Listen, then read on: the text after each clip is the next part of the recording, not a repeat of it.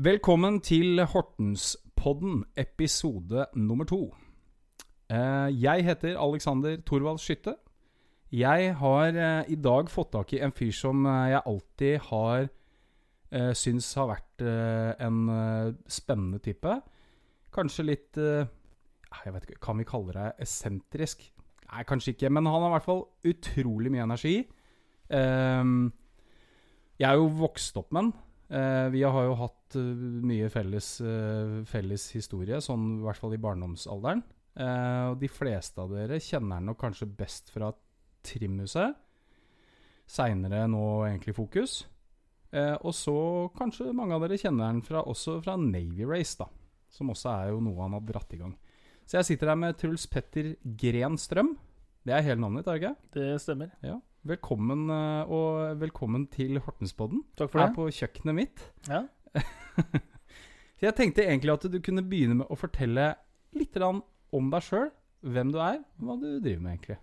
ja, jeg er jo da en eh, gutt da fra Horten, eller en mann snart. Eh, 36 år, eh, født og oppvokst i Horten. Og har drevet med fotball i mange år. Eh, før jeg skada meg og fant ut at jeg måtte finne ut mer om hvordan kroppen fungerte for å fungere best mulig. Uh, og så endte jeg da opp som PT. Uh, har jo jobba med, i- vært i treningsbransjen nå i 13 år. eh, og driver nå Fokus eh, Norway, eh, som har vært en stor suksess. da Og I tillegg så har vi hatt en del løp, som du snakka om, eh, som starta med Horten Bytri for eh, mange år siden. Eh, hvor vi da også har eh, gikk over til da, hinderløp eh, nå som eh, i det siste. Mm. Og hinderløp, er det, det det som kalles OCR? OCR, det er Obstacle Course Races, som det Ah. står for. da Ok. Mm. Men, jeg tenk, men er, altså, og det, det lurer jeg på. Er det liksom grunnen til at du Altså, jeg husker jo fra vi var på en måte ungdom. Du var jo en jævel til å spille fotball. Mm. Du var jo god. Ja, jeg, Hva, var du typ liksom på Kom du deg til liksom eh, landslagsnivå, holdt jeg på å si? Altså på ungdomslandslag? ja, når jeg var 16 år, så var jeg jo på uttak til landslag blant de 32 beste 16-åringene i Norge. Ja. Og så ødela jeg meg jo da rett etterpå. Eh, da ødela jeg jo kneet mitt, og opererte to ganger. Eh, så jeg kunne jo egentlig ikke spille fotball igjen. Så det var jo mye av det som ødela. Men det var jo da, da jeg var blant de 32 beste, så ble jeg jo ikke tatt ut da. De sa det at du ligger i vannskorpa, men det sa de jo sikkert til resten av gutta som var der også, som ikke kom med. Så, men det har vært en stor del av livet mitt, og jeg savner jo på en måte den der, den, det, det fellesskapet eh, med fotballen. Men, eh, men jeg føler liksom at jeg har eh, i hvert fall treffet på riktig vei nå, da. Ja, for det, jeg husker jeg, det som jeg husker om deg, var at du var jo så jævlig kjapp. Du var jo, du var jo sinnssykt rask. Altså, du var jo Ja, du var jo som en Duracell-kanin. Altså, det var, det var opp og ned sida Var ikke du stort sett vinga? Eh, jeg spilte jo wing, eh, sentral midtbane og spiss, eh, men det var jo som mamma sa når, når jeg var ni måneder, så gikk jeg fem minutter siden jeg løpt, sier jeg. Så jeg har hatt mye energi og har jo sikkert fått det ut, da. Ja. Mm. Ja, nei, ok. Så da, da ble du altså, Så du er egentlig som de gamle engelskmennene som sitter på puben, som kan skylde på en gammel idrettsskade som gjorde at du måtte ta noen andre valg i livet. Som De, de valgte å begynne å drikke, men du, du starta treningsstudio. Ja, det gjorde jeg. Så, så, så hele basicen her var jo det at jeg ikke kunne spille fotball igjen. Ja. Uh, og så uh, prøvde jeg meg da Jeg fikk beskjed om du kan ikke spille fotball etter første operasjon. Og så gikk det vel tre måneder, og så var jeg på banen igjen. Mm. Uh, og så låste kneet seg igjen, og så var jeg rett inn på sjukehuset og operere en gang til. Eh, og så tenkte jeg ok, greit, nå får det være nok. Og så gikk det vel noen år til, og så ble jeg jo da assisterende eh, spillende trener for eh, Borre. Ja. Nei, for Falk, mener jeg. For Ja. Falk. Eh, eh, og så spilte jeg jo en sesong for Ørn, eh, men eh, kneet var jo på en måte ikke på lag i det hele tatt. Nei. Men, eh, men det, var, det var moro eh, å få være med og på en måte kunne bidra med det fysiske. Eh, det var det, hovedsakelig det jeg skulle ha, men så klarte jo treneren å lure meg ut på banen også. Mm. Så da fikk man jo kjenne litt på det, men eh, som sagt, kneet fungerer ikke. Så lenge jeg kan trene så lenge jeg gjør kontrollerte bevegelser, jeg vet hva jeg skal for noe, men fotball blir for ukontrollerte og for eh, raske bevegelser. som på en måte man Og så er det jo taklinger og alt det der. Men er, er det typ korsbånd, menisk, eller hva? Ja, det er korsbånd er ryk i leddbånd, menisken har jeg tatt ut det meste av. Så nå har jeg gått i ett år og to måneder og venter på operasjon, for det ligger noe inni kneet som driver flytter på seg. Så noen ganger så låser kneet seg helt, og da får jeg ikke gjort noen ting. Mm. Ja, jeg også har et kne, Mm. men, eh, så jeg veit at det kan være plagsomt. Ja. Men eh, ok, så Men var det på en måte en naturlig Altså, hva, hva er som var naturlig for deg videre? For du, du skjønte jo at det Eller både vi rundt deg og du selv skjønte jo sikkert at noe må jeg jo gjøre, liksom. Ja. Noe må jeg jo holde meg i gang med. Hvordan er det du på en måte dro det videre? Nei, jeg- greia var jo det at jeg begynte da Den, eh, den kjæresten jeg hadde da eh, Da var jeg, ble jeg med henne ned på, på Sentrum Trim og Helse, som det het den gang. Ja. Eh, og så sa nå skal vi bli med på noe som heter Kårbar. Oh, ja. Eh, og jeg blei med på den timen, og blei med på en del sånne gruppetimer. Eh, og så spurte Katrine eh, Katrine Tott, eh, som hun heter eh, Hun spurte du, du har ikke lyst til å være med på å ha timer her på Sentrum Helse. Eh, så sier jeg ja, hva tenker du på? Det er noe som heter catslide. ja. Det er de mattene, ikke Ja, riktig. Ja. Da tenkte jeg ja, det kan jeg sikkert gjøre. Og så sa jeg bare ja, men da drar vi inn til Oslo, og så blir vi med på en time. Inne på Crunch. Ja. Så vi dro inn til eh, Oslo, eh, og ca. litt ut i sang nummer to, tenker jeg. Da hadde jeg krampe overalt og tenkte det her kommer jeg aldri til å klare. Fordi jeg står jo ved det at eh, fotballspillere er kanskje ikke de som er best trent. For å være helt ærlig. Står du for det? Ja, jeg står for det. Men, og akkurat på, apropos det Mm. jeg, hørte, jeg, jeg vet ikke om du har hørt på en podkast med Joe Rogan før? Mm, nei. Nei. Joe Rogan, Du veit kanskje hvem Joe Rogan er? Mm. Ja, han er jo, Nå er han jo en av verdens største podkastere. Ja. Det er jo egentlig det han driver med. Eh, men han er jo også MMA, tidligere MMA-utøver. Ja. Og han snakka faktisk om det at den fysikken som spesielt toppidrettsutøvere, altså på fotballnivået Mm. Han sa at den fysikken der er helt sinnssyk. Mm. Så jeg tenker, altså, For det er jo så mye start og stopp, og det er ganske voldsomt for muskulaturen. da Mm. Så er de så dårlig trent. Jeg skjønner at hvis du hvis du kanskje snakker om Ronny Andersen eh, på, på, Ja. i sin prime i, i førstedivisjon, liksom, før Ja, ja. så var kanskje ikke Ronny Andersen topptrent, men han hadde godt nok ferdighetsnivå til å Mm. kunne klare å komme seg rundt. Mm. Men er fotballtrenere så dårlig trent? Uh, jeg vil jo, altså Sånn uh, på verdensbasis Ja. så tror jeg uh, For å være helt ærlig, så er nok norske fotballspillere litt bortskjemt. Ja. Det er én ting. Og så er de litt late. Ja. Hvis ikke så hadde nok det norske landslaget klart å prestere enda bedre enn det de gjør nå. Ja. Så, så jeg tror nok Altså, det er mye gode fotballspillere i Norge. Men jeg tror nok Folk blir bare latere og latere. Mm. Og det er skremmende å se utviklinga. Mm. Det er litt samme som jeg har nå hatt en eh, 45 skoleelever nå over tre mandager eh, nede på Fokus, hvor jeg har kjørt en time der hvor jeg har lagt opp til at det skal være gøy. Skoleelev, hvor gamle er de da? 15-16. 15-16? Eh, og liksom spurte dem etterpå bare Ja, hva syns dere var gøy? Og alle bare nei, det var ikke noe gøy. Eh, OK, har dere lyst til å gjøre det igjen, da? Nei. Vi syns vanlig tradisjonell styrketrening er, eh, er, eh, er best. Men hvordan opplegg er det du kjørte med dem? Nei, Da kjørte vi en type teamøkt eh, hvor vi var to og to sammen. Hvor de skulle gjøre en del øvelser med få antall repetisjoner, så på en måte de skulle på en måte holde motivasjonen oppe. Mm. Så opplegget var jo lagt opp til at de skulle ha det gøy. Mm. Eh, og dette her er jo da alle de andre medlemmene som er på Fokus, har gjort eh, litt samme opplegg, og de syns dette her er helt fantastisk, og er jo der ja, alt fra to til seks dager i uka. Ja. Mm. Ja.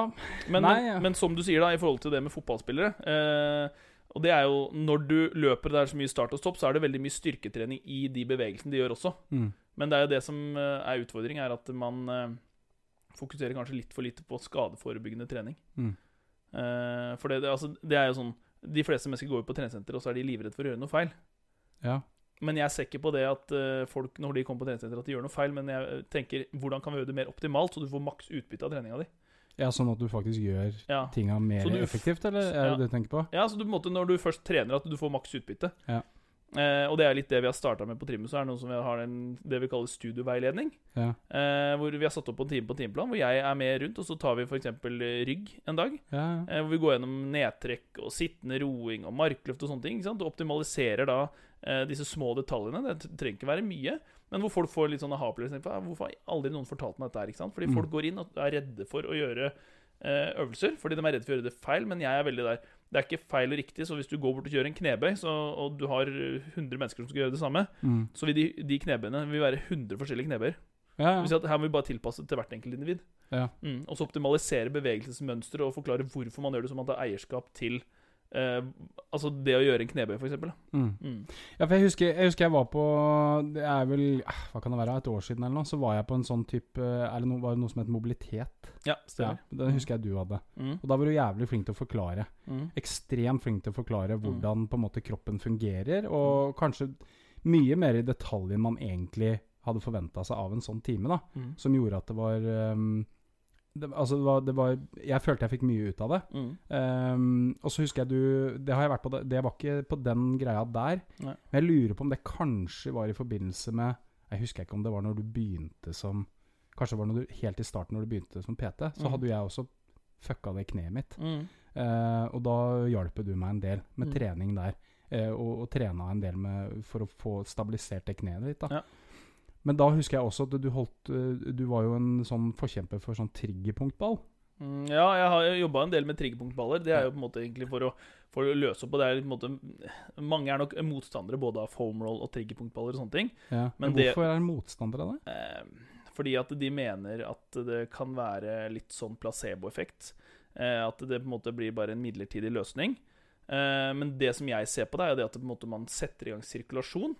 Eh, og når man setter i gang sirkulasjon, så er det jo lettere å bevege seg. Mindre ubehagelig å bevege seg. Og veldig ofte eh, så kommer man seg inn i posisjoner da som man ikke ellers ville gjort hvis man ikke hadde gjort det. Så, så i en optimal verden, sånn som jeg sier, hvis du hadde tatt to tvillinger Mm. som har vært helt like fysiske, og den ene hadde brukt 15 minutter av økta på mobilitet, bevegelighet, eh, og så trent i tre kvarter, mens den andre kun trente i tre kvarter, så vil jeg omtrent garantert at den som hadde trent mobilitet 15, eller som har trent 15 minutter kortere, men trent mobilitet først, Mm. eh, ville hatt en mer skadeforebyggende kropp Mm. eh, og fungert bedre og fått bedre progresjon og hatt større range of motion, altså større bevegelse i ledd og sånne ting, og blitt sterkere. Ja, for det, den Jeg kødder ikke, men det er egentlig din, eh, det er egentlig din fortjeneste. Den trigger, jeg har jo tre-fire sånne uh, triggerpunktballer, Mm. og de bruker jeg spesielt om sommeren jeg driver med golf. Mm. For golf er jo ganske statisk. Ja. Eh, og det er jo noen ganger så går du med bagen på ryggen, og, og det, det er jo på en måte Ja, du kan si alt du vil om fysikken til en golfspiller. Det kan jo være alt fra noen som veier 200 kg til Mm. 90, liksom. Eh, og så ser man jo kanskje at de som er best i verden i dag, stort sett er topptrente atleter, da. Mm. Men det er bare for stivhet, spesielt i ryggen min, og, og kanskje mellom skulderbladene og de delene hvor jeg føler mest at, eh, at Så er det så Det er natt og dag. Mm. Natt og dag, f.eks. hvis du er midt i en turnering Mm. og jeg skal spille tre dager på rad. Mm. Det er natt og dag eh, å, å tøye ut med en foam roll Mm. eller en sånn triggerpunktball Mm. før og etter. Altså, det- kan ikke sammenlignes engang. Nei. Og smerte, alle sånne ting forsvinner med en gang du får mosa den muskelen. Mm. Eh, altså flat, da. Mm. Så, så egentlig etter du lærte meg det, så har jeg, jeg, jeg Altså, jeg bruker det Mm. Kanskje ikke like mye på vinteren, for at da er det ikke så mye sånn riv og røsk i den. Og så er jeg jo selvfølgelig ikke flink til å varme opp Mm. når jeg skal spille golf engang. Ja. Uh, det er veldig sjelden. Ja, Mm. det er stort sett så møter jeg opp uh, ja, fem Mm. minutter før tida, og så er det bare å komme seg ut, liksom. Men, uh, men akkurat den der triggerpunktballen og foam rollen, Mm. det er noe jeg bruker altså hver dag. Mm. Hver dag, stort sett. Og foam rollen bruker jeg stort sett hver dag uansett. Mens den triggerpunktballen er veldig aktiv eh, på sommersesongen. Mm. Så, så jeg i hvert fall har fått jævlig mye ut av Mm. fokus på den mobiliteten. Mm. Eh, og før så var det sånn Ja, det, da var det Da måtte jeg Da var jeg jo og fikk massasje, liksom. Mm. Men jeg føler jo faktisk at den der Den gjør så mye jobb at Mm. jeg egentlig slipper å gå og bruke pengene mine på Men det er jo igjen for at jeg følte kanskje at du lærte meg, lærte meg det på riktig måte, da. Mm. Det er altså det, det eh, Man kan jo si hva man vil. Sant? Noen er mo veldig motstandere noen syns det her funker veldig bra. Eh, og innenfor samme idrett så er det veldig stort spekter i forhold til hva folk mener og tenker om det. Eh, og det er, det er som jeg sier til disse folka, sånn eh, Når jeg gjerne spør på teamet, er det noen som tar Vitapro? Ja. Eh, og så er det flere som sier ja, ta Vitapro, så sier jeg funker det? Så sier de ja, det funker kjempebra. Mm. Så tenker jeg men da fortsett å ta det. Mm. Men om det er placebo eller ikke, det kan jeg ikke bevise for deg. Nei. Eh, Men kan, men- kan du ikke det med, med triggerpunktball heller? Nei, altså du, altså du Greia er at det, det, som, det er flere faktorer som spiller inn. da Ja. Det vil si at det, Hvis du har et punkt som er vondt, da eller du har en utfordring, Mm. og når du da bruker en uh, foam roll eller en triggerpunktball, så øker du jo egentlig uh, ubehaget eller smerten da i det du jobber med den. Så det som kan skje da, er at du etterpå så har du på en måte økt smerten. Og da vil ikke den smerten som du da hadde før, eh, føles lik. Nei. Det kan være Det kan være en faktor. Det er ingen som klarer å på en måte bevise akkurat det her. Nei. Men eh, det er som sagt en foam en triggerpunktball, eh, er jo på en måte det man bruker for å forebygge. Eh, og det er det, veldig ofte eh, Jeg har jo hjelpa veldig mange når det kommer til gutter og vonde skuldre. Ja. For det er jo typisk veldig lite Det er veldig mye bryst og Mm. biceps, eh, og kanskje ikke så mye rygg som man burde trene for å få maks utbytte i forhold til foran og bak på kroppen. Mm. eh, I forhold til balanse, da. Mm. Eh, og da er det sånn gjerne jeg går inn, og så gir jeg de noen øvelser som de gjør med mobilitet først. Mm. Eh, og så kjører de benkpress, og så kjenner de faen, det er dritbra, det funker dritbra. Mm. Så kommer de tilbake tre måneder etterpå, og så sier de faen, nå har jeg vondt igjen. Ja. Og så sier jeg, men har du fortsatt å gjøre de øvelsene som du fikk av meg, selv om du ikke har vondt? Mm. Og da sier de nei, det har jeg ikke gjort, for jeg hadde ikke vondt lenger. Så sier jeg, men det er når du først får en skade, så opparbeider du deg en svakhet i kroppen. Mm. Eh, Det vil si at de øvelsene som du har brukt som fungerer veldig bra, Mm. de burde fortsette å gjøre selv om du ikke har vondt. Det er det, det jeg kaller da prehab, preparation before damage. Ja, ok. Eh, og det er sånn jeg var på Olympiatoppen eh, med et foredrag der også, i forhold til toppidrettsutøvere Mm. eh, og eh, hamstringskader. Ja. Og tilbakefall hos toppidrettsutøvere på hamstringskader er 90 Så det betyr at Er, er det fordi de da er dårlige til å Nei, gjøre det- de har øvelsene imellom? Da har de da fått Nei, ikke nødvendigvis, men de Eller har, genetikk, liksom? de har, de har fått en skade Ja. eh, i hamstring. Kanskje en strekkskade eller en, en rift eller hva det er for noe i, i muskelfibrene. Hamstring, det er bakside lår. Bakside lår. Ja. Eh, og så er det jo kjent at i- toppidrettsutøvere de trener mye, de trener hardt. Mm. De ligger jo helt på grensa Mm. eh, mot det som på en måte er forsvarlig, Mm. eh, for å få maks utbytte. Mm. Så, så der er det jo en faktor som spiller inn på at det er veldig fort gjort å få tilbakefall. Men allikevel så er det at når du først har fått en skade, eh, så er det utrolig viktig på en måte å gjøre de øvelsene som har fungert, for å på en måte forebygge. Mm. Mm. Og det gjelder jo for den vanlige mannen i gata også. Ja, jeg også har Jeg også har slitt med den jævla hamstringa mi. Altså, og, ikke sant? og det er jo Ja, du ikke har spilt fotball plutselig på Ikke har spilt fotball på ti år, da. Mm. Og så skal du komme i gang, og så har du en kropp som veier 130 kilo. Og så Mm. tror du at du skal liksom kunne Ja, hjernen din er jo idiot. Altså, du tror jo fortsatt at Hjernen du er er 20 år 18, fortsatt, ja, jeg er ja. 18 år. Mm. Jeg husker Jeg var helt sikker på at det ryker i alt. Ja, ja. Altså fra ræva ja. opp til øret. Ja. Det var så vondt, liksom. Mm. Jeg var helt sikker på at Nå har akillesen ryket, Mm. hamstringa ryket, revmuskelen har revna. Jeg var helt, var helt sikker på. Ja. Og så dro jeg til han eh, Jeg dro jeg til legen, da. Og så han, og så kikker han på meg, så, han jo en kompis av pappa, da. Og så kom jeg, Det var jo på legevakta. Jeg var Mm. helt sikker på at jeg hadde ryket nå. Og så sier han, så kikker han meg, meg, så bare rister han på huet. Så sier han Men du er jo faen ikke 18 år lenger. Nei, nei. Altså, tror du, du, tror du du kan bare sette i gang etter ti år og bare spokk på? Mm. Og ja, hjernen min tror jo det. Mm. Men det, du klarer jo ikke det, ikke sant? Mm. Og det er noe med også, altså, hadde, jeg, hadde jeg holdt det ved like, og det gjelder jo egentlig alle ting altså, Hvis jeg hadde klart å holde det ved like, ja, da er jo kroppen vant til den belastninga. Mm. Men ikke sant, det var rett opp da på Skoppum kunstgress. Og så skulle jeg røpe til han der lille Christian Hofsøy, da. Mm. Ja, Han er jo kjapp og rask, og, Ja, ja, ja. så det gikk jo ikke så bra, da. Nei, nei. Og så, var det, og så gikk jo dette Så var jeg og fikk noe nålebehandling og noe greier. Det følte jeg kanskje egentlig ikke funka. Mm. Men uh, de drev og stakk meg inn i, bak i hamstringa da, med noe sånn øh, elektrogreier. Mm. Uh, og så Og så ja, gikk det vel kanskje åtte uker eller noe. Etter faen, jeg. Så var jeg opp igjen. Så bare zipp, samme greia. Mm. Og da tenkte jeg bare nå er jeg ferdig med fotball. Mm. Nå gidder jeg ikke mer. Mm. Altså Nå må jeg finne noe annet å holde på med. Men, Så- det, men, det, men det er litt, litt det som er tilpasning til trening. Ja. Det er jo som, som altså Hvis jeg sier eh, at du kjører nå fire-fem repetisjoner med 50 kilo på markløft i dag, Markløft, Ja. så sier vi det. Så kjører du de 50 kiloene. Fem repetisjoner, det gjør du to ganger i uka. Mm. Ikke sant? Eh, hvis du legger på én kilo neste uke, så kjører du 51 kilo. Mm. Ikke sant? I løpet av et år så løfter du 102 kilo. Ikke sant? På fem repetisjoner. Det vil si at her har vi tilpasning. ikke sant? Hvis du Mm. er tålmodig, Mm. så all, du må forte deg sakte.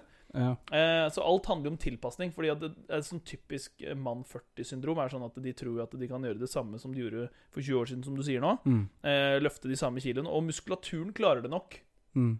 Men vi glemmer litt det med sener og skjelett og sånne ting. da Mm. eh, som, som har dårlig sirkulasjon og dårlig restitusjon. Mm. som ikke henger helt med. Mm. Det vil si at Da får vi betennelser, vi får vondt, og så er det større sannsynlighet for at du måte, når bristepunktet til at det kanskje noe ryker. da Mm. Så, så alt handler jo bare om å være å svelge litt stolthet og ta av 20 enn det du faktisk tror. Mm. Fordi hos menn så er det den stoltheten. der er sånn nummer én, vi vil jo ikke ha hjelp. Vi klarer oss sjøl. Eh, og vi vet jo hva vi driver med. Det er gjerne sånn det oppleves på treningssenter. Mm. Eh, og det er jo fryktelig mange mer jenter som spør om hjelp, eller som har PT, enn det menn har. Så det ligger litt der. Ja, Så Ja. det er den der stoltheten. Og så har vi jo det hormonet som heter testosteron, da. Som, Mm. Som gjør at jo flere gutter er i rommet, jo tøffere skal du bli. Og det, funker det sånn? Eh, ja, det, det funker veldig sånn. Ja, flere, jeg merker det fort, fordi nede på Fokus så har vi 70% damer Mm. eh, og 30 menn. Ja. Men de timene da hvor man treffer bra, og det er liksom 50% menn og 50% damer på en time, så merker du det at det er enda mer lyder og, eh, og mer litt sånn eh, at folk skal tøffe seg. Mm. Så det er med en gang det kommer litt testosteron i rommet, Mm. Og du legger på litt testosteron, så blir det bare fordobla. Men apropos testosteron, det var jo en ting som jeg snakka litt med Klasse Arild om forrige uke, da. Mm. Um, for han, han lot seg egentlig sjokkere ganske godt over trenden. Ehm, jeg kan jo For det første, nå sitter vi og snakker om trening. Ja. Jeg kan jo ingenting om trening. Nei. Altså, jeg har jo Jeg, jeg kan ingenting Nei. om trening. Jeg kan ikke mer enn det du har fortalt meg, Nei. eh, og det du forteller meg nå. Men det er ydmykt sagt. jo, men jeg kan ingenting. Og jeg har aldri vært noe glad i å trene. Jeg må liksom motivere jeg må ha, Grunnen til at jeg spiller fotball, det var fordi at eh, da kunne jeg løpe etter noe. Mm. Ja, og så tenkte jeg ikke på at jeg trente. Og golf er sånn, det er det samme for meg. Mm. Men så merker jeg jo det at jeg blir eldre, og, og jeg skjønner jo det. Og jeg har jo vært i gode perioder i livet mitt hvor jeg har vært flink til å trene. da. Mm. Eh, og da tenker jeg på styrketrening spesielt. Jeg er jo ikke glad i løpe. Eksisterer ikke i mitt eh, hode. Eh, men det tror jeg også fordi at jeg det er jævlig tungt, ikke sant? Mm. Altså på, mitt verste så var det 155 kilo. Mm. Da er det tøft å løpe, liksom. Mm. Det er vondt i alle deler av kroppen. Men, men um, Klas Arild snakka om det at um, Og jeg har jo kanskje skjønt litt av det sjøl også, Mm. men er det en, er det en stor utbredt, utbredt trend hos de yngre eh, å faktisk gå til det steget og begynne på å ta ekstra testosteron? Eh, ja, altså Det som var før, da. ikke sant? Du har jo Ronny Coleman, Jay Cutler og de gutta der, som, eh, og Arnold Schwarzenegger, Ja. som starta den trenden med bodybuilding. ikke sant? Mm. Uh, og på den tida så skulle jo liksom gutta være dritsvære. Mm. Uh, og ja, da tok de jo anabole steroider, ikke sant? Mm. Uh, og og det, som, det som har skjedd i seinere tid, da, er jo det at det på en måte disse som sitter og tar dopingtester, da, de ligger jo alltid et steg bak. Og de som doper seg, de ligger alltid et steg foran. Litt sånn i forhold til som man har sett den dokumentar dokumentaren med Lance Armstrong, f.eks. Eller Ikaros, blant annet. Jeg, jeg, jeg har ikke sett noen av dem, men jeg har jo skjønt Begge ligger jo på Netflix, så det er jo to som er ikke sant, Å se hvert, altså hvor korrupt systemet er, og Mm. hvor eh, Altså, de som vil vinne, de betaler dyre dommer for å vinne. mm. Um, og de betaler de beste. Mm. Og de beste, det er de som kanskje burde jobba med å, å forebygge dette her. Mm. Um, så, men i seinere tid så har det blitt mer litt sånn at gutta skal være litt mer lean. Ikke sant? Uh, altså litt uh, De skal være fitte, Mm. men ikke svære, liksom. Mm. Uh, og da er det vanskeligere å se det. Og nå det, kan du på en måte gå inn på nett og designe din egen kropp med hva du skal ta, og hvor fort du skal ut av systemet og sånne ting. Så det er, det er helt vanvittig hvor, hvor, hvor utbredt det er. Mm. Eh, vi, har jo en, vi er jo medlem av Antidoping Norge. Når du sier vi, så er det Fokus og Trimse? Fokus og Trimse, Ja. og Trimse Holmestrand og Ekspress. Så vi er, jo, vi er jo Men det er sånn Du klarer ikke å ta alt, men altså har vi mistanke, Mm. så tar vi jo Alle har jo skrevet under her på kontrakten sin, så tar vi dem inn til en prat. Og så vi, du, er du villig til å ta en test? Mm. Eh, og da enten så sier de Hva, vet du, det her finner jeg meg ikke i. uh, jeg sier opp, og da har du på en måte løst utfordringa. Mm. Eller så sier de ja, det kan jeg godt gjøre, og så tar vi den testen. Mm. Men uh, det bør, hadde nok vært lurt å teste folk oftere. Det tror jeg. Ja. Men det er vanskeligere å se det på folk nå, og det er jo samme jenter i forhold til de sprøytene de tar for å bli, bli tynne og, og få brunfargede Barbie-dopet. Jeg husker ikke navnet på det akkurat nå, men, men det er vanskeligere å se det enn hva det var før. da For da, var det liksom, da, da skulle folk bli svære. Ja, men er det, er det også fordi at trenden i samfunnet i dag er at folk generelt tar mer vare på kroppen sin? Altså, så derfor er det vanskelig å skille de som er utrente fra de som er trente? Jeg, jeg tror nok ikke de tar Altså, folk tar altså, Hva skal jeg si? Jeg tror ikke folk er noe flinkere nå til å ta vare på seg selv, selv om det er det man ser utad. At trening er mer Ja, ja, hipt og sånne ting. ja. Men jeg tror nok veldig mange er inne på å ta flere snarveier. da Ja. Eh, folk vil veldig fort fra A til B. Mm.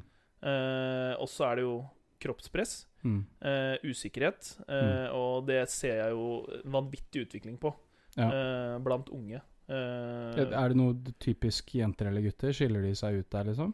Er det verre for gutter Nei, jent, jenter er eller? mer sånn generasjonprestasjon. Gutter er litt sånn, de også, egentlig. Men jenter er veldig sånn de skal gjøre det bra på skolen, og hvis det går dårlig på skolen, så er det jo altså Den psykiske helsa, da. Mm. De hadde jo målt dette her under korona, Mm. eller pandemien, da.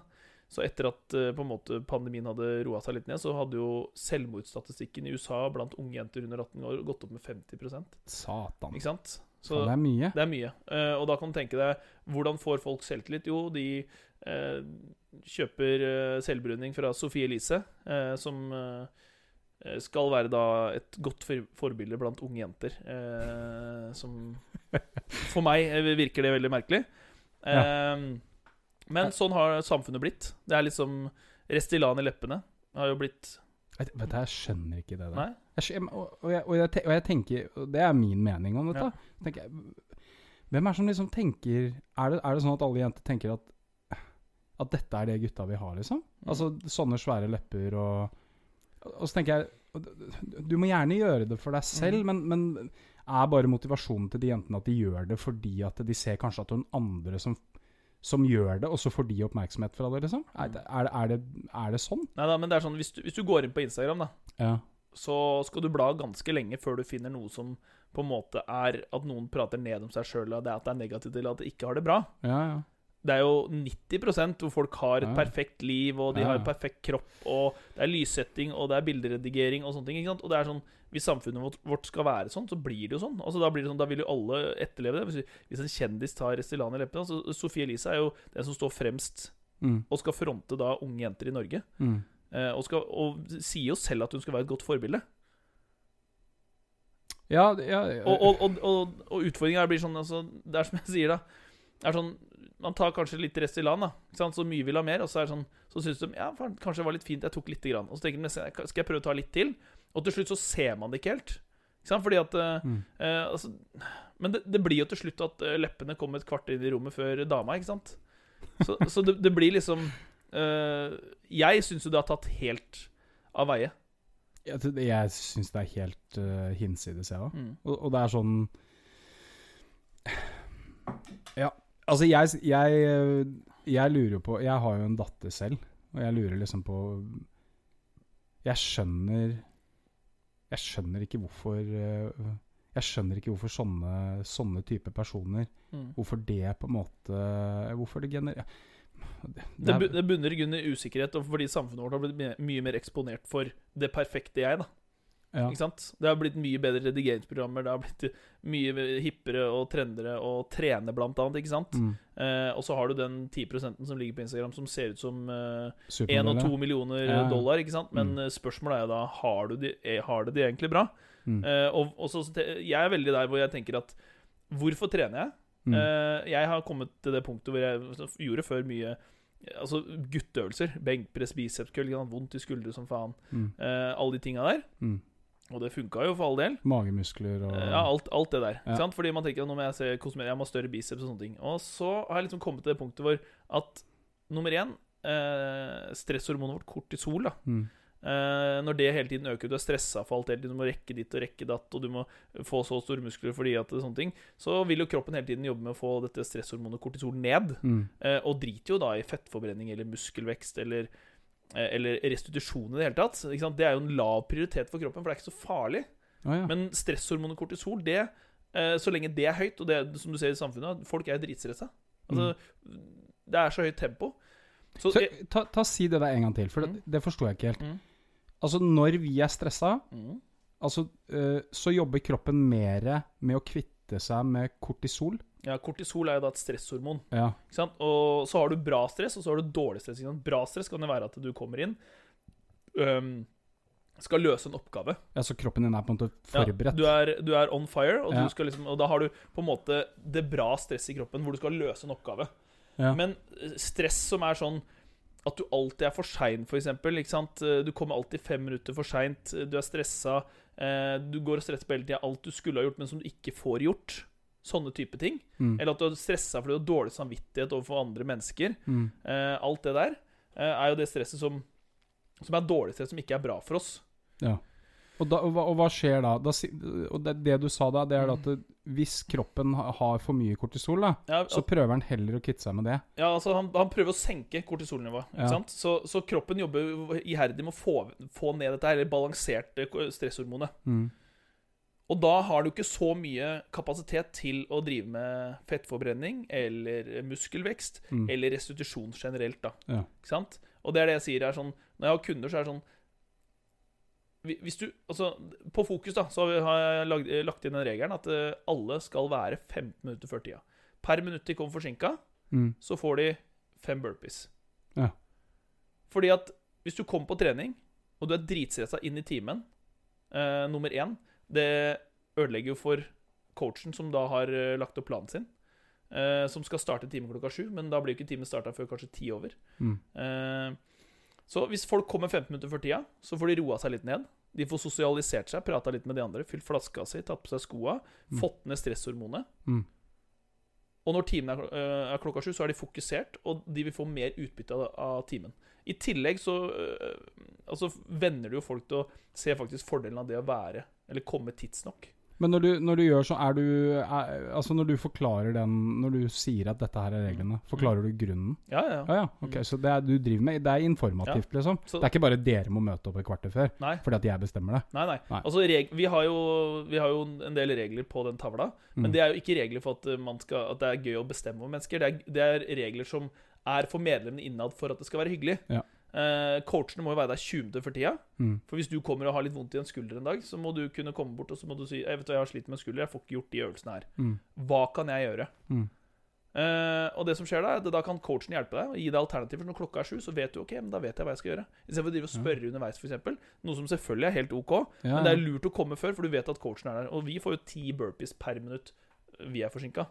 Så det er mye strengere for oss. ja, ja. Mm. Men det er litt sånn, sånn kulturen skal være. Og så er det litt sånne regler at eh, når man er på time, så er det at man skal aldri være negativ. da Så det er som hvis folk går forbi resepsjonen og 'Å, herregud, jeg er så sliten i dag'. ikke sant? Selv om de menneskene du går forbi, ikke nødvendigvis hører det du sier, Mm. men bare registrerer det oppi hodet, så kan det være med på å lage en negativ effekt som ødelegger økta de, dems, f.eks. Når Mm. de var fit for fight og skal trene. Mm. Så det er den, hvordan du bygger eh, miljøet, da. Og, Ja. det, og det er det på en måte fokuset har blitt. Det har blitt liksom en, en, altså, Samme som CrossFit har vært god på å bygge community, Mm. eh, så har det liksom blitt en svær gruppe Mm. som er liksom Som alle hilser på hverandre når de kommer. Mm. Eh, alle hjelper hverandre. Mm. Eh, alle backer hverandre, og det er liksom high fives, og det er god stemning hele tiden. Mm. Ja, men det er Ja. Jeg har aldri trent på Fokus, men, men øh, jeg veit jo om mange som har trent der, og syns at det der har vært øh, det der har vært um, en øh, positiv opplevelse. Mm. Men hvordan øh, jeg tenker, hvordan er det det øh, Eller jeg, jeg vil tilbake. Jeg vil spørre deg Mm. om, om uh, akkurat dette med testosteron. Mm. Fordi at jeg, jeg, tenker at hvis det er Altså, hvor utbredt tror du det er? Altså sånn Jeg sier ikke at du, skal vite det, eller veit det, men, men hvor utbredt tror du det er blant unge i dag? Tror du det er sånn at det er ekstremt mange som, som du sier, som gjerne vil ta den korte veien til suksess, og at det er Er det liksom sånn at det, dette er noe som alle egentlig burde tenke på? Og ikke minst, hva er som skjer med kroppen din når du tar det? Nei, altså Det som er greia, er at du bør jo nummer én Hvis man vurderer i det hele tatt å ta det, Ja. så bør man jo sette seg grundig inn i at man faktisk sprøyter den inn i kroppen, eller tar en pille, eller hva du gjør for noe. Mm. Eh, Og det er det jo da veldig få som gjør. Ja. De får beskjed av en eller annen som er litt eldre, og sier tar du den her, så får du større muskler. Mm. Ikke sant? Men de, vet, de har ingen kunnskap om hva bør jeg trene, hvordan bør jeg trene, eh, hva skjer med kroppen min. Mm. Ikke sant? Så, så hvor utbredt det er, er vanskelig å si. Mm. Eh, men det er nok mye der ute, mye mer enn det, det jeg tror. Ehm, så Og det som skjer, er jo det at man på en måte får en, en sinnssyk effekt da, Mm. eh, på muskelvekst. Ja. Og man restituerer seg raskere. Mm. Ikke sant? Så, så alt funker jo bra, men det fucker jo med Spesielt blant unge, da, som er liksom i en vekstalder i forhold til eh, hormoner og sånn. Mm. Ikke sant? Det, er jo, altså det finnes jo mange skrekkhistorier om det. og Jeg satt og hørte på antidoping-sak eh, eh, fra en kar i Fredrikstad som var rundt 40-45. Mm. Eh, og de var 18-19 gutter når de var 17-19 år, eh, hvor de trente sammen. Eh, og den dag i dag så er det bare han av de som lever. Ja. Så det gjør jo mye med hodet ditt. Hormoner. Mm. Eh, og så glemmer man kanskje at hjertet er en muskel. Mm. Eh, og folk dør av hjertesvikt. Altså, det er så mye negative effekter, men når man kommer inn i sånt miljø og man ønsker å få produksjon, så sier de som selger det, og de som skal få deg til å bruke det, de ufarliggjør det. Ja. Veien, er, veien er veldig kort til at folk tar snarveier. da. Mm. Alle vil jo komme seg så fort fra A til B som mulig. Mm. Eh, og det var litt det jeg var inne på i stad, som jeg skulle komme fram til. var jo det at Da var det liksom eh, Når jeg var ung, så var det liksom sånn biceps og benkpress det var det som var greia. Mm. Men, men når jeg har kommet dit nå, er det sånn at når jeg skal trene nå, skal jeg trene noe jeg syns er gøy. Mm. Fordi da gir jeg mer. Mm. Eh, og så sitter jeg med mye bedre følelse etterpå. Mm. Eh, og så trener jeg for å holde meg i form, for at kroppen skal fungere. At jeg skal liksom klare å gå opp en trapp uten at det høres ut som en hval når jeg kommer på toppen. Uh, og så er det liksom den biten med at jeg skal fungere sosialt. Mm. Uh, og bygge det med, det med selvtillit og det å på en måte kunne sitte sammen med mennesker og være trygg på seg sjøl. Mm. Og det er også veldig viktig, synes jeg, da, for unge, at de på en måte de skal trene. Men det er på en måte trener man, så bygger man jo selvtillit og trygghet. Ja. Mm. Ja, det, altså, jeg, som sagt, jeg kan absolutt ingenting om trening, men det jeg, det jeg i hvert fall veit, det er at uh, etter man har trent, så føler du deg bra. Mm. uh, I hvert fall hvis du har trent, uh, og nesten jo hardere du har trent, uh, jo bedre føler du deg. da. Mm. Eh, så det er, ikke noe, det er ikke noe tvil om at det er um, Det er ikke noe tvil om at trening Mm. gjør noe med spesielt hodet ditt. Mm. Um, men det er Ja. Jeg liker jo ikke Jeg, jeg syns jo ikke det er kjempebetryggende. For det, jeg, har ikke, jeg har ikke hørt så mye positivt om å ta testosteron, da. Altså Bortsett fra at du kanskje får den kroppen du tenker du Mm. Men jeg tenker det er jo livsfarlig å drive og kødde med hjernen vår. Da. Ja, altså hormoner, da, generelt. Det er Ja. det som styrer mye av det som skjer i kroppen. Ja. Mm. Og forskjellen på Ja, forskjell, ja gjerne. Det er jo kanskje det som skjer i puberteten mellom menn og kvinner. da Mm. Det er Forskjellen er jo Og at da er det jo større, større prosess som er i gang når man er i tenårene, uh, og hva som skjer i kroppen. Og da når du da skal tilføre enda en ting som påvirker det, Ja.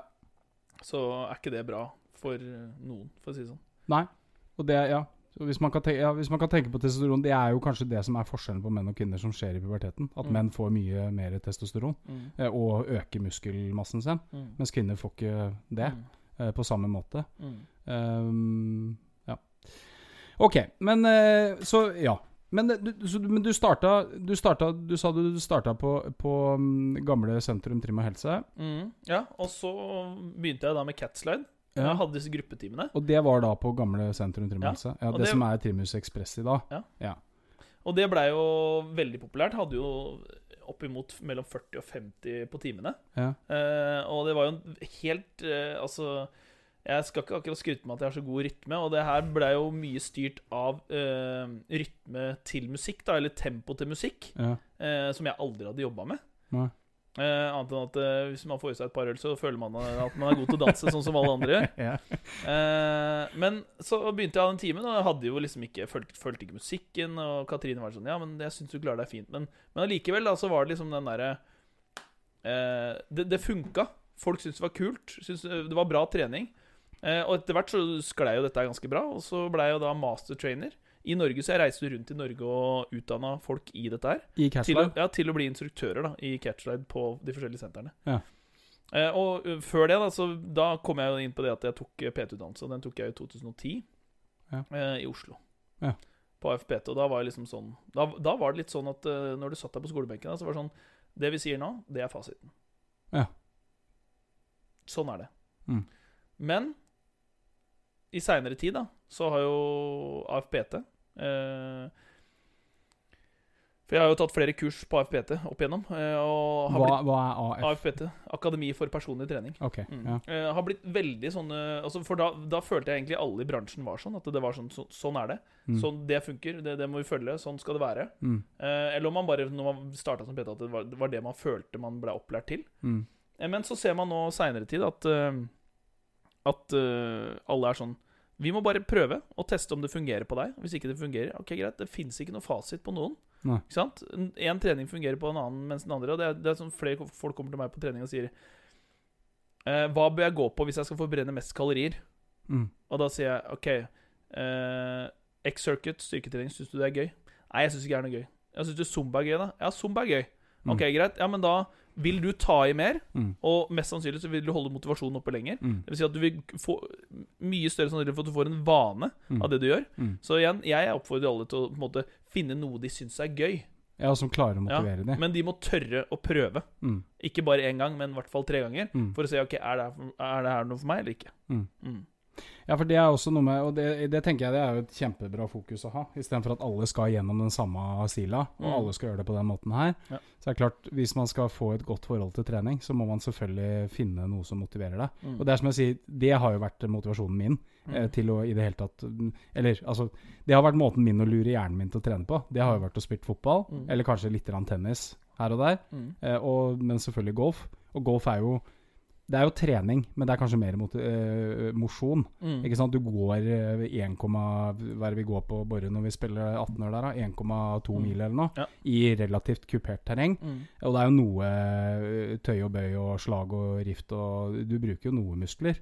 Um, men eh, for meg har det handla om motivasjon. Eh, men nå kjenner jeg kjenner jo at nå er jeg kanskje i en annen fase. At Mm. nå motiverer jeg meg mer for ehm, Ja, fordi at det kanskje ikke kroppen fungerer helt sånn som den pleide å gjøre. da Mm. Og at det tar lengre, mye mye lengre tid for meg å komme meg tilbake igjen. Mm. Altså, Skjønner du hva jeg mener? Mm. Så derfor vil jeg gjerne Ja, jeg vil gjerne kanskje finne Jeg, jeg finner i hvert fall litt mer motivasjon i det i dag. Ja. Men kanskje spesielt, som du snakker om, Mm. en av mine hovedgrunner til å trene i Mm. dag, Mm. det er ikke nødvendigvis for at jeg skal bli sterkere, eller nødvendigvis fordi at uh, jeg skal ha et eller annet resultat. Men det er rett og slett for hjernen min. Mm. Jeg gjør det egentlig akkurat nå. Det er den eneste motivasjonen. Det er det eneste lille dopet jeg får av det. Mm. Det er at når jeg er ferdig på trening Mm. Jeg hater det. Mm. Eh, Og jeg kødder ikke. Jeg hater Nei, det. Jeg syns det er helt forferdelig. Ja, ja. jeg satt og trente mageøvelser nå på fredag. Mm. Fy faen, jeg banner. Det er ikke gøy i det hele tatt. Ja, nei. Jeg hater det. Verste jeg veit. Men så veit jeg. Mm. Ikke sant? Jeg veit at etterpå. Og det verste er at jeg kan dra effekten Jeg føler i hvert fall sjøl at jeg kan dra effekten av dette her et par, to, kanskje to-tre dager. da Mm. Fordi at det, du har liksom vært i gang. Mm. Og bare det er en motivasjon for meg. da For at jeg merker stor forskjell på psyken min hvis jeg ikke gjør det, og hvis jeg gjør det. Mm. Så, så, så og Det er også en sånn fin ting med, med motivasjonsbit for meg. da Men det er jo ikke alle som er der heller. Det er noen som bare hater det. Eller så er det Mm. noen som elsker å trene fordi at de Ja, de kanskje ser den De ser kanskje den derre ja, de, de ser den, den Mm. progresjonen som de får, eller så ser de kanskje det, kroppen endrer seg. ikke sant? Mm. Eller at de, de ser at faen, nå kan jeg løfte litt mer enn jeg gjorde for litt siden. Eller Mm. alt sånn. Men derfor er jeg også Jeg er også altså skeptisk til dette her med å drive og fucke med hjernen. Mm. Altså Spesielt med dette å bruke testosteron og, og de tinga som Mm. Ja, altså vi gutter, vi har testosteron. Mm. Fra og, og, Dessverre kanskje ikke like mye når jeg er over 30, Mm. men, men, eh, men jeg tenker vi skal være dritforsiktige med det. da Mm. Vi skal være dritforsiktige med den kjemiske balansen i kroppen vår. Ja. Eh, og jeg tenker at hvis det er Ja, hvis det er noe som på en måte er i ubalanse, Mm. ja, så da må man kanskje finne en annen løsning. Mm. Eh, og kanskje ikke tenke så kortsiktig, da. Mm. Som det da kanskje en gitt 14-åring som har veldig veldig lyst til å se ut som ja, en eller annen fyr han ser opp til. Mm. Eller han fyren som står ved siden av treneren hver eneste dag. For at han ser at å, faen, kanskje han Ja, ikke sant. Han, øh, ikke bare det, men han fikk litt ekstra likes på Instagram fordi at han la ut en bilde av sixpacken sin, liksom. Mm. Men jeg tenker liksom Ja, kanskje vi skulle liksom Hadde det vært fint å solgt mer den ideen og tanken Mm. om at dette her er bra for huet ditt, Mm. ikke sant? Ja, Og, og hva er som ikke er bra for huet ditt, nødvendigvis? Ja, det er kanskje ikke så bra å ta testosteron, ikke sant? Det, det, kan, det kan ødelegge veldig mye mer enn enn det, det, enn det du faktisk får fin kropp av det, da. Mm. Ja. Men, det er, men det er nok den, er den kunnskapen folk ikke sitter med. For det, det er liksom jeg, jeg, jeg spør jo ofte unge gutter, så spør jeg liksom eh, Hva trener dere? Nei, vi trener bryst i dag. Kjører, Mm. kjører splitt. Og så trener de eh, bein en gang i uka. Så sier jeg, men hvis dere trener bein en gang i uka, hvor lang tid tar det hvis du kjører beina knallhardt? Hvor lang tid tar det før beina er restituert igjen? Mm. Ja, det veit de ikke. Så sier jeg det tar ca. 48 timer, sånn i Mm. snitt, da. Så det vil si at du kan egentlig trene bein hver andre dag. Ja. Uh, og ha utbytte av det. for å få maks utbytte av resultatene. Mm. Mens de trener jo armer på mandag, og så trener de uh, rygg på tirsdag, og så er det bein på onsdag, og så er det biceps Altså, altså de, de gjør splittprogram uh, som bodybuildere gjør, men bodybuildere som da, ikke sant, Jay Cutler og Ronny Coleman, ikke sant, som nå går på krykker og sitter i rullestol, liksom, Mm. av at de har kjørt kroppen så hardt. Det eneste de gjorde altså Nå jobba jo Ronny Coleman som politimann, men, men det de hovedsakelig har gjort, er jo da å sove, spise, trene. Sove, spise, trene. ikke sant? Og de står opp midt på natta for å få i seg nok næring. Mm. Ikke sant? Men, og, og det er liksom det med den proteinshaken som vi sikkert kan komme inn på i forhold til kosthold etterpå. Men, men den største utfordringa jeg ser, er jo det at når folk blir eldre, så begynner de å lene seg på en krykke og sier at ja, men jeg har jo blitt eldre, så jeg har dårligere forbrenning. Og det er jo så minimalt Mm. uh, å si på forbrenninga di. Mm. Det eneste folk gjør, er at de setter en greie opp i huet sitt og sier at ja, men jeg begynner å bli eldre. Så sier jeg, men jeg har, altså det, det, det fins 85-åringer som løfter uh, 150 kilo markløft. Mm. Det er jo ikke noe unnskyldning. Det er fordi du setter reduksjon på det. Og det er sånne Jeg sier, går over til å hente en kettlebell på 16 kg. Den er altfor tung, jeg er redd for ryggen min. Så sier jeg, men du flyr rundt og bærer eh, bark og vedsekker og alt Ja, ja. mulig og hiver opp på hengeren her ute. Mm. Eh, men det står ikke kilo på dem. Nei. Ja, ja. Så, så det blir liksom sånn du setter begrensning for deg sjøl fordi at du blir eldre. Så er det sånn, jeg er så stiv. Ja, det, er ikke, det er ikke så rart å bli stiv når det eneste du gjør, er å bøye deg ned i det er, Jeg ser ikke bevegelse engang. Så, så greia er at eh, hvis man klarer å opprettholde det, da, og Mm. bruke kroppen det den er skapt til, og bevege seg, Mm. eh, og gjøre alt den kan gjøre, og det er litt det du gjør da i functional fitness og crossfit, Mm. er det at det er 95 forskjellige øvelser. Mm. Eh, og du må liksom måte mestre alt. Gymnastikk, vektløfting, eh, styrke, eh, cardio, ikke sant. Det er liksom alt mulig. Power, strength. Mm. Eh, så du må på en måte kunne alt. Mm. Eh, og da får du utfordra det. Og det er som jeg sier, som jeg, sier jeg trener for jeg, det jeg syns er gøy. Men også veldig mange mennesker sier at uh, jeg har lyst til å eh, bare vedlikeholde. Mm. Og da sier jeg da skal, det- det skal jeg se at du klarer å være like sterk nå, fram til du er 80 år. Mm. For det er ingen som klarer å ha en sånn kurve. Det går opp, og det går ned, det går opp, og det går ned. Men jeg tenker sånn, hvis du alltid har oppi hodet til at du har lyst, alltid lyst til å bli litt bedre på Mm. trening, alltid lyst til å på en måte bli litt sterkere Mm. Det er ikke sånn at du måte må legge på 20 kg hver gang du er der, men du har alltid lyst til å gjøre noe som gjør at uh, i løpet av økta så er det noe du gjør som utfordrer deg sjøl. Mm. Så vil du alltid bli litt bedre. Mm. Eh, og det tror jeg er litt viktig, å ha den der, der at uh, folk er sånn Jeg skal bare drive med vedlikehold. Det tror jeg bare er piss. Mm. Det er bare noe du sier for det høres bra ut. Mm. Men jeg tror alle mennesker trigges av å på en måte bli litt bedre. Uansett hva man gjør, da. Mm. Ja. Nei, altså, det er Det er eh, Altså, motivasjon, det er eh, Ja. Det er, det er i hvert fall en ting som jeg, som jeg har kjent på at jeg har uh, slitt med, da. Mm. Slitt med å motivere meg til det. Eh, men det Men som sagt, nå føler jeg på en måte at det endrer seg. Og det handler jo kanskje om at jeg aldri liksom har tenkt på meg sjøl som verken stor eller sterk, eller at, jeg, at jeg har vært så veldig opptatt av det. Mm. Det er jo kanskje mer at man har vært 100% ignorant Mm. til både hva man spiser og, og, og, og, mm, den bevegelsen som man har. Og så er det sånn, er du, ikke sant? Er du håndverker, eh, som jeg er, da. Er du håndverker og du ha, Da står du på beina dine åtte timer i løpet av en dag. Mm. Da, du, du, du kan faktisk eh, døtte i deg en del mat da, altså. Uten, Ja, ja. Uten, at det, uten at det har en veldig stor effekt. Mm. Men du får det kanskje gjerne igjen når du blir 30, da. Da kan du ikke kjøre samme løpet, selv om du faktisk står eh, 30, nei, 8 timer på beina. Mm. Da, da, det, alt endrer seg, ikke sant, med, med, med tanke på at du blir eldre. Det, men ehm, altså, jeg eh, Ja, altså, du var jo litt inne på dette. Dette med kosthold. Mm. Og jeg tenker at det, det er jo jeg, jeg ser, Det er jo mye debatter. Mm. Det er jo ekstremt mye debatter om kosthold. Altså kost, hva du skal spise, hva du ikke skal spise, hva du skal ditt, hva du skal datt. Og, eh, og, og, og det er sånn eh, Jeg følte i hvert fall før så var det sånn Det var jo ikke så mange som på en måte snakka om kosthold. eh, I hvert fall ikke av de som, de som var veldig opptatt av trening. De tenkte liksom at trening, det er det vi skal holde på med. Og så tenkte de kanskje ikke nødvendigvis på hva vi skal spise. Mm. Men PT-utdannelsen har den, har- tar den for seg kosthold i det hele tatt? Ja, den tar jo for seg basic, i hvert fall. Eller den som er nå, så er det jo, kan du ta påbygg og legge på da en eh, type kostholds... eh, Men du blir jo på en måte en eh, Altså kostholdsveileder, da. Ja. Mm. Kosthold er jo Hva skal jeg si? Det er fryktelig omfattende. Mm. eh, i forhold til alle disse detaljene, hva som skjer med kroppen hvis du putter i deg det, osv. Så, videre. eh, så det å jobbe med kosthold, uh, det syns jeg da er ganske tungt. Mm. Uh, hvis du på en måte skal gå skikkelig inn i materien. og på en måte gi kundene de beste resultatene. Det, er jo, altså, det jeg driver med, er hvis jeg Så gir jeg med kostholdsråd. Mm. Enkle ting Mm. som de kan endre i hverdagen. Fordi det er veldig få som på en måte trenger disse eh, Hvis ikke de skal oppnå et spesielt mål, da. Mm. eh, hvor, hvor ting må på en måte stemme hele tiden. Men jeg tror for de fleste så tror jeg det på en måte det med, altså, Keep it simple stupid. Mm. Eh, og gjøre enkle ting. ikke sant? Det er sånn Jeg tenker, du har ett liv.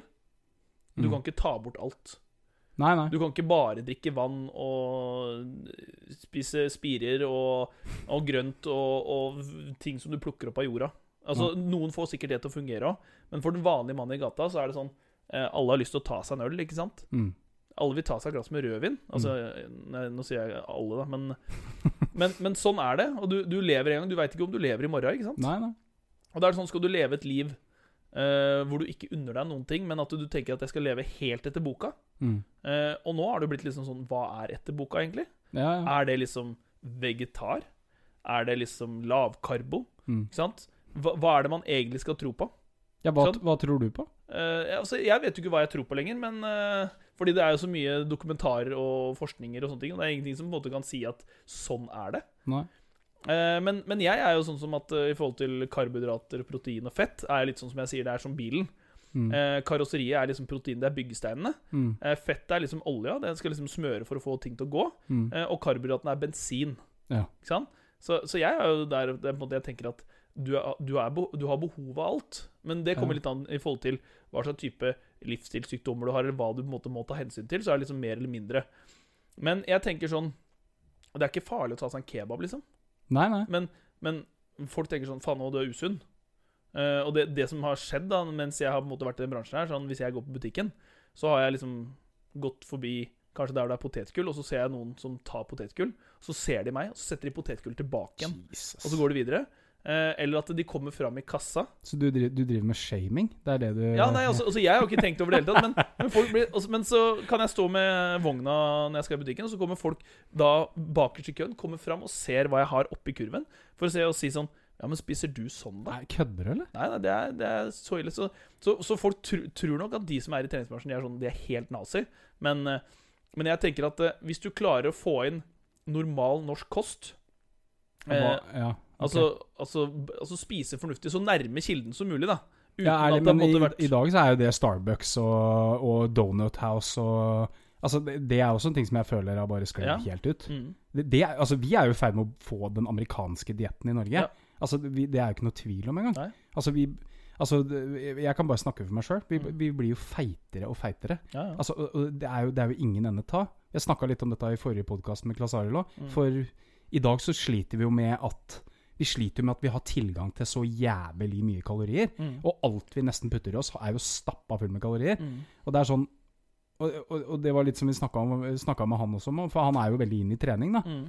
Og jeg tror ikke vi har Jeg tror ikke vi har en hjerne jeg, som er utvikla for å kunne takle faktisk den tilgangen vi har til alle disse tinga her. Da. Nei. Og, og det tror jeg er kanskje Jeg veit ikke, men, men det, jeg tror at det kan være et av problemene våre. Mm. Det er det at den hjernen vi har, den er ikke utvikla nok til å kunne ha så jævlig lett tilgang til Mm. alkohol, Ja. eller til rusmidler, eller til mat. Mm. Eller alle, for det, i dag så er alt så jævlig lett tilgjengelig. Mm. Altså Du kan bare gå rett rundt hjørnet, så har du alt. Ja, ja. Og ikke nok med det. Alt er stappa fullt med et eller annet Mm. som gjør at det, Ja. Du, Maten holder lenger, ikke sant? ja, og er, ja. og, og, og, ikke sant? Du må, du, må, du må liksom Du må inn i én produktlinje hvis du skal finne ett produkt. Du, altså, du må spise is. mm. Altså, ikke sant? Du må spise is. Mm. Ja, Da lager Henning Olsen Lage en is som bare har 392 kalorier. ja. Skjønner du hva jeg mener? Mm. Så, fordi at det, ellers så hadde vi spist den isen likevel. Mm. Men så, men så gagner de seg på at de kjører på et annet segment. da Mm. Så jeg føler liksom at det er Det er en ting som vi sliter enormt mye med. Mm. Fordi at det, det er et gigantisk problem. Jeg tenker, altså Som i samfunnsmessig ja. Det er et gigantisk problem. For at vi har Det er så jævlig lett tilgang på alt. Mm. Det, er, det, vi sliter jo ikke med noen ting. Ja, nei. Nei. Det, er som jeg, det er som jeg har sagt før også.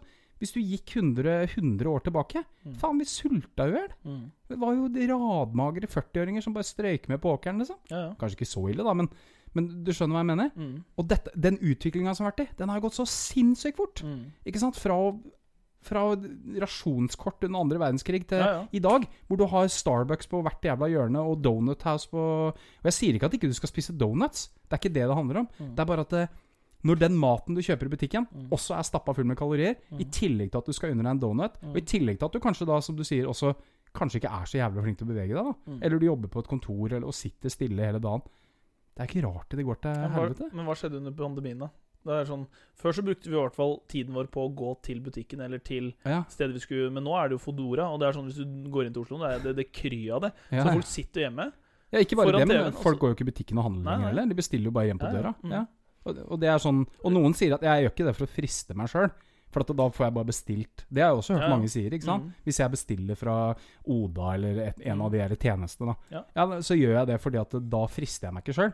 Og så tenker jeg Ja, jeg veit jo sjøl med meg sjøl at hvis jeg går i butikken jeg går forbi smågodthylla, da, Mm. Og du er sulten. og jeg å, ikke minst, Mm. minst hvis Mm. jeg er sulten Altså, det ryker jo fort på noe da. Mm. Eh, men jeg bare tenker Det er også en ting som Vi tror ofte at vi er jævla mye smartere enn det vi er, da. Men så er det sånne små ting som um, Som lurer oss hele tiden. Vi har en hjerne som på en måte er litt sånn Mm. Den er litt sleip, da. Mm. For den vil gjerne ha alle disse tinga Ja. som vi har så jævlig lett tilgang på i dag. Mm. Og så klarer vi ikke å kontrollere det på samme måte. Nei. Og så er vi kanskje ikke bevisste nok på akkurat det. Men så er det all den maten vi får tak i òg, ikke sant, er jo på en måte behandla mer nå. Det er liksom litt sånn type hvis du kjøper kjøtt, ikke sant, så er det Mm. jo Hvis du kjøper fra forskjellige land da, som har kommet til Norge, og du, du går og henter deg f.eks.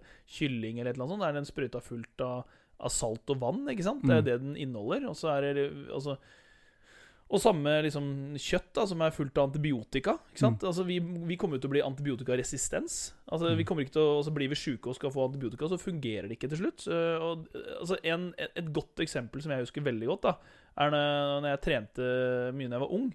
Eh, så drakk jeg jo melk. Mm. Eh, og da var det sånn at hvis den melka gikk ut på dato eh, to dager over, liksom, Mm. så hadde du faen ikke kjangs til å få den ut av kartongen.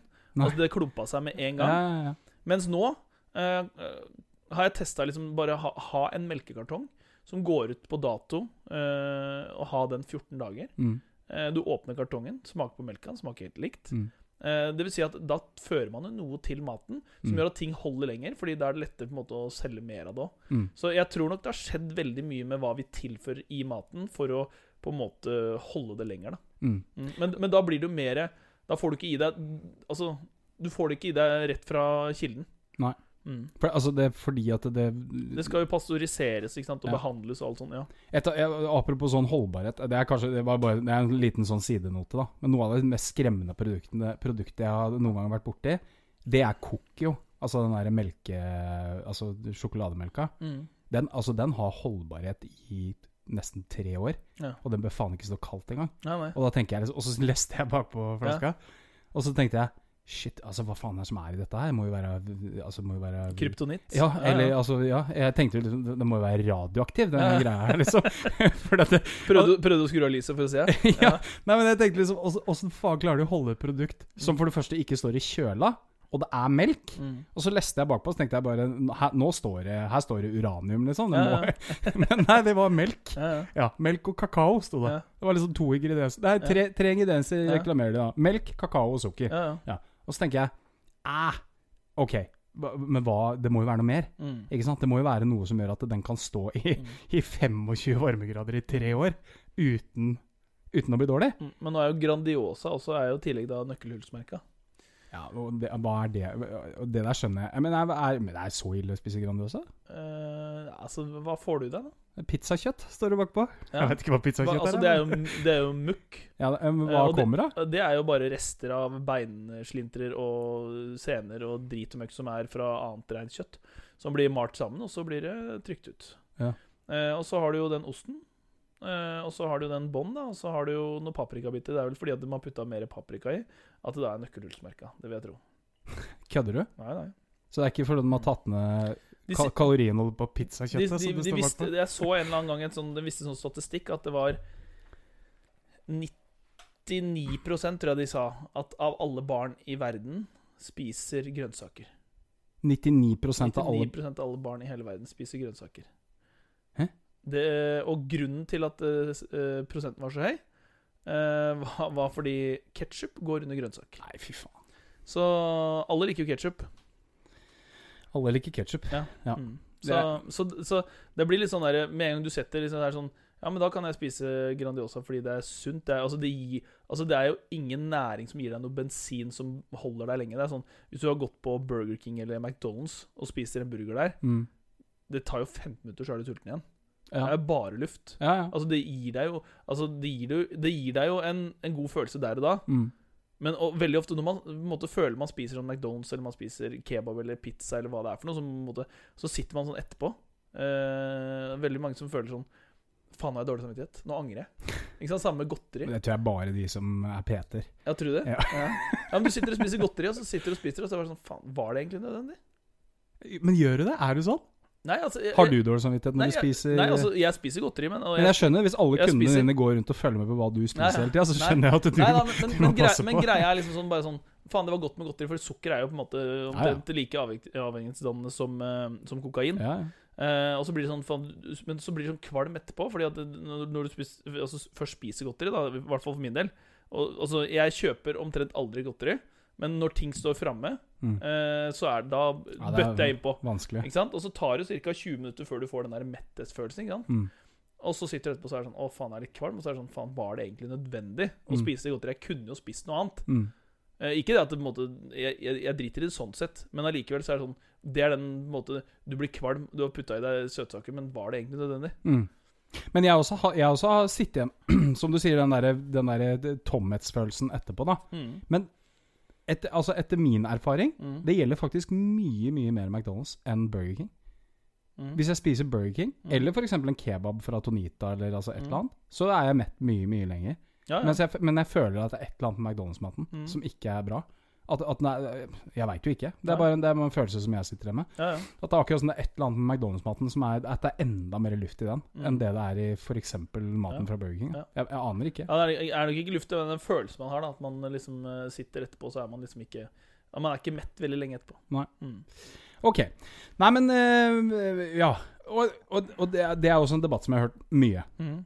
Hvis du er et menneske Mm. som veier litt mye, Mm. litt for mye, Mm. Og du tenker du skal gå ned noen kilo, Mm. er det Hva hadde du lagt mest vekt på? Trening eller kosthold? Eh, jeg ville jo lagt eh, vekt på en kombinasjon, da. Ja. Men det er som jeg sa i stad, jeg er mer fan av kostholdsråd Mm. enn kostholds kanskje veiledning inn mot at du skal på en måte ha et veldig rigid rigid, rigid, eh, rigid eh, et spisemønster. Mm. Eh, fordi at eh, hvis man går inn på mennesker som veier mye eh, Jeg har sett litt på det programmet My 300 LBS Life på, på TLC, tror jeg det er. Ja, det er eh, hvor det er folk som veier helt enorme eh, Ikke sant? Og det er liksom Nummer én så må du jo komme inn i huet på disse folka. Mm. Eh, og det, det første du starter med, er jo at eh, hvis man veier mye, så er det kanskje fordi man putter i seg mer enn man beveger seg. Mm. Eh, og mest sannsynlig da så har man kanskje eh, en utfordring med å på en måte benekte for seg sjøl, først og fremst, hva man egentlig putter i seg. Mm. For det er ofte det som jeg ser, er at eh, du sitter i en samtale og sier ja, 'hva spiser du i løpet av en dag', da? Og så tenker du bare ok, det du remser opp nå, det er, det er dritbra. Mm. Men så sier jeg, men, men hva har du i salaten din, da? Nei, jeg har en desiliter olivenolje, ikke sant? Ja, det husker jeg Og du sa til meg. Og der er det liksom 1000 Ja. kalorier bare der. Det- Og det, vet du, det er helt sjukt. Ja, det er sjukt, ikke sant? Så Det, det var du som lærte meg. Olivenolje er bra, Ja, men det er jævlig men det er jo hvor mye skal du ta? Ja, ja. Ikke sant? Det er én ting. Og så er det sånn Ja, så drikker du kaffe. Ja, hva har du kaffe, da? Nei, fløte og sukker. Mm. Ikke sant? Eh, så, så alle sånne småting. Og så er det sånn Ja, men drikker du noe i løpet av dagen? Ja, jeg drikker rød cola og Ikke sant? Så drikkekalorier er kanskje det aller verste. For det, er, ikke det går lett ned, og det er liksom du tenker ikke over det engang. Mm. Men jeg tror nok bare det at du må nummer én finne ut av hva vil det mennesket her Ønsker det virkelig en forandring? Mm. Uh, og i en optimal verden så burde du sitte på fanget til dem og passa på dem at de liksom hadde fått seg det de skal, og trent da de skal. Mm. Uh, så jeg tror på en måte de Altså Veldig mye når du jobber med mennesker, da så må de ta eierskap til egen utvikling Mm. eller progresjon. Mm. Det vil si at jeg kan ikke sitte her og fortelle du skal gjøre ditt, du må gjøre det, da blir det bra. For da sitter de ok, nei, men nå har du satt meg opp i et hjørne og sagt hva jeg skal gjøre. Ok, jeg gjør som du sier, men da mister man motivasjon. Så det som det handler om, er å stille disse riktige spørsmålene og spørre liksom Hva er grunnen til at du ønsker disse forandringene? Og så må de begynne å snakke litt og reflektere om det. Mm. Og så stiller jeg liksom spørsmål ja, hva tenker du kan være lurt å spise. Hva syns du er godt, da? Ikke sant? Og så og så gir jeg dem kanskje litt råd i forhold til hva de kan putte oppi, eller hva de kan gjøre. Eller sånn i forhold til Ja, jeg spiser fire poteter. Ja, så sier jeg men kanskje du skal bare halvere til to poteter istedenfor. Ikke sant? Mm. For da halverer du jo ikke sant? eh, i løpet av en måned hvis du spiser eh, sånn. Så, så det er sånne bitte små detaljer. Mm. Eh, heller fylle på med mer grønnsaker, ikke sant? Mm. Enn å fylle på med for mye med poteter og ris og pasta, f.eks. Ja, for du tenker det er bedre å spise grønnsaker enn f.eks. Ja, kjøtt? altså, du, blir jo, du blir jo mett av grønnsaker. ikke sant? Og det er på en måte, Du kan jo spise uhorvelig store mengder grønnsaker Mm. uh, uten å få i deg for mye kalorier ut ifra hva regnestykket blir til slutt. da. Mm. Men jeg tror nummer én at de, hvis du skal ha, sitte med et menneske som skal skape en, eh, en livsforandring, da, så må de ta eierskap til det sjøl. Mm. Og de må bli stolt av prosessen de har gjort. Mm. Ikke fordi at jeg har sagt at de skal gjøre det. Mm. Det funker ikke. Nei, og, det, og jeg tenker det også er jo sikkert lurt for en PT. Å ikke Mm. bruke altfor mye tid på å faktisk tilrettelegge sinnssykt mye for Mm. Altså, som jeg sier, du har jo du har jo folk som driver profesjonelt med kostholdsveiledning, Mm. ikke sant? Så jeg tenker at som en PT, så Hvis du skal For det, det er ganske detaljert, Mm, og det, og det det, går, og det går fra menneske til menneske.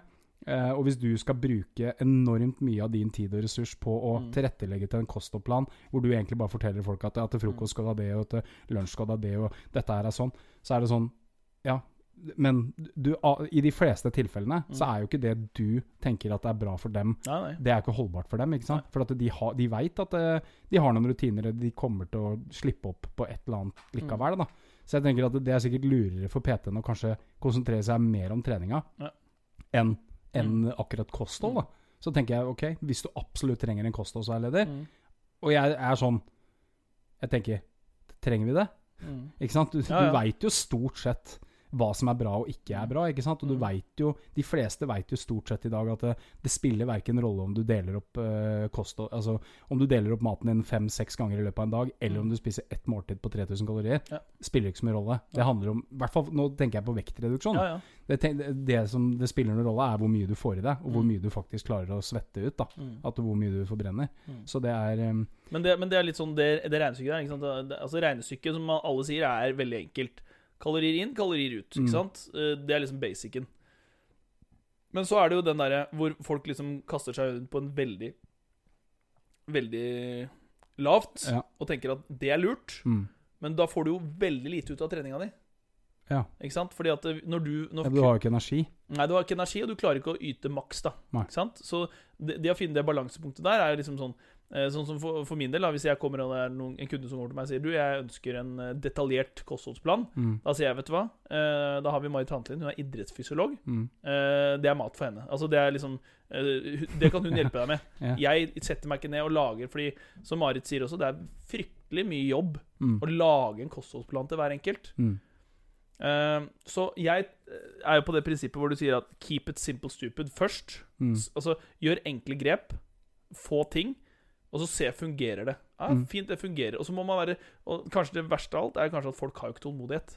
Nei. Ikke sant? Så det er sånn, Hvis du rater ned fem kilo i uka Mm. du tenker faen så flink du har vært, kjempebra. Ikke sant? Jo mer du veier, jo lettere er det å gå fortere ned. Mm. Eh, og så gjør du det uka etterpå, og så går du det uka etterpå, og så skal du begynne å spise normalt igjen. Mm.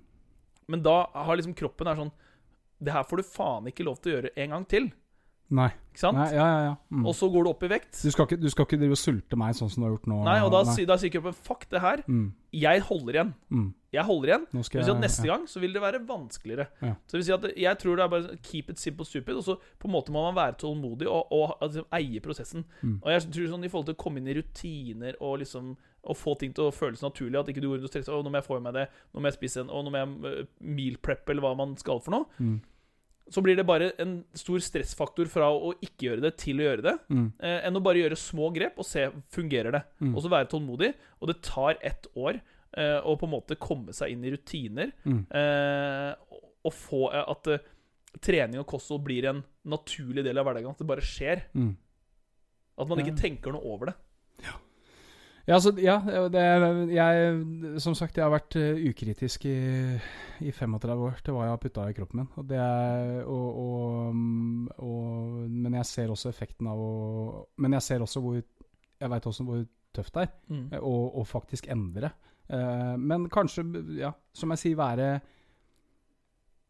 Jeg føler jo at vi er kanskje litt for mye fokusert på, på selve kroppen. Mm. Og så tror jeg vi kanskje er nødt til å fokusere mer på hjernen. Mm. Ikke sant? Hva er det som faktisk trigger den hjernen min til å Mm. gjøre de tinga? Og Mm. kanskje lære å forstå mer om hvordan eh, både psykologien vår og hvordan eh, kjemiprosessen i hjernen vår fungerer. Mm. Jeg tror det, er, det kan kanskje være nøkkelen for mange til Mm. å skjønne at vi, at vi er nødt til å behandle hjernen vår på en Mm. måte. For at den er med på å styre jævlig mye prosesser. Ikke sant? Mm. Ja. Ok. Kosthold, det må vi ha. Ja, mat må vi ha. Og det, det er som jeg sier, at jeg elsker å spise god mat. Ja, ja. Altså, elsker liksom å dra til Gdansk, gå ut og spise og kose meg. Og ikke, jeg tenker jo ikke over hva jeg putter i kjeften. ikke sant? Eh, og så er det noen som sikkert eh, sitter og tenker når jeg sier det her, at ja, men det er lett for deg å si. Mm. Eh, men man, altså, jeg tror bare alt handler om at man må finne en livsstil som funker for seg.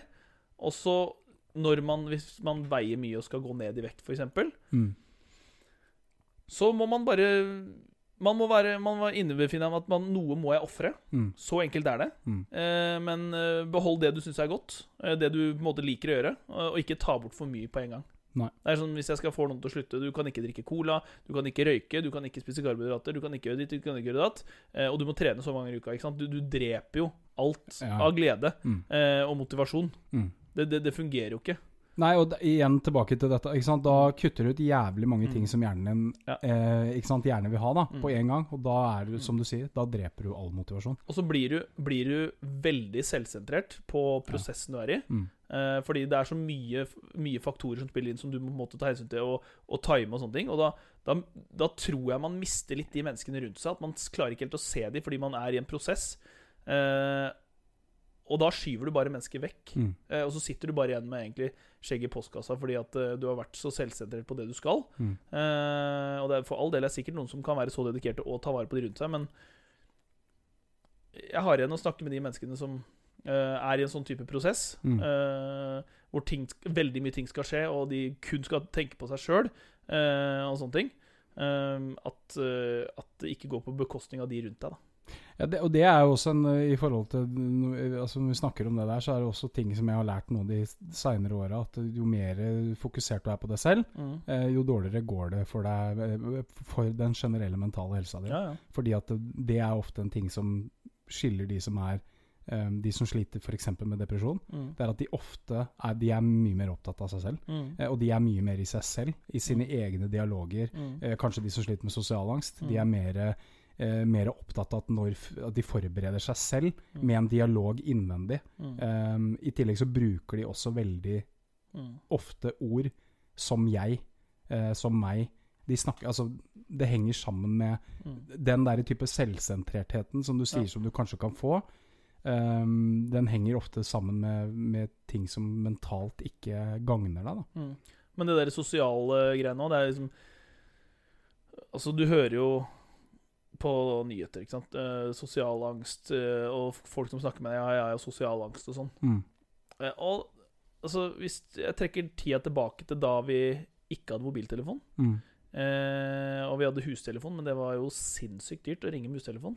Ja.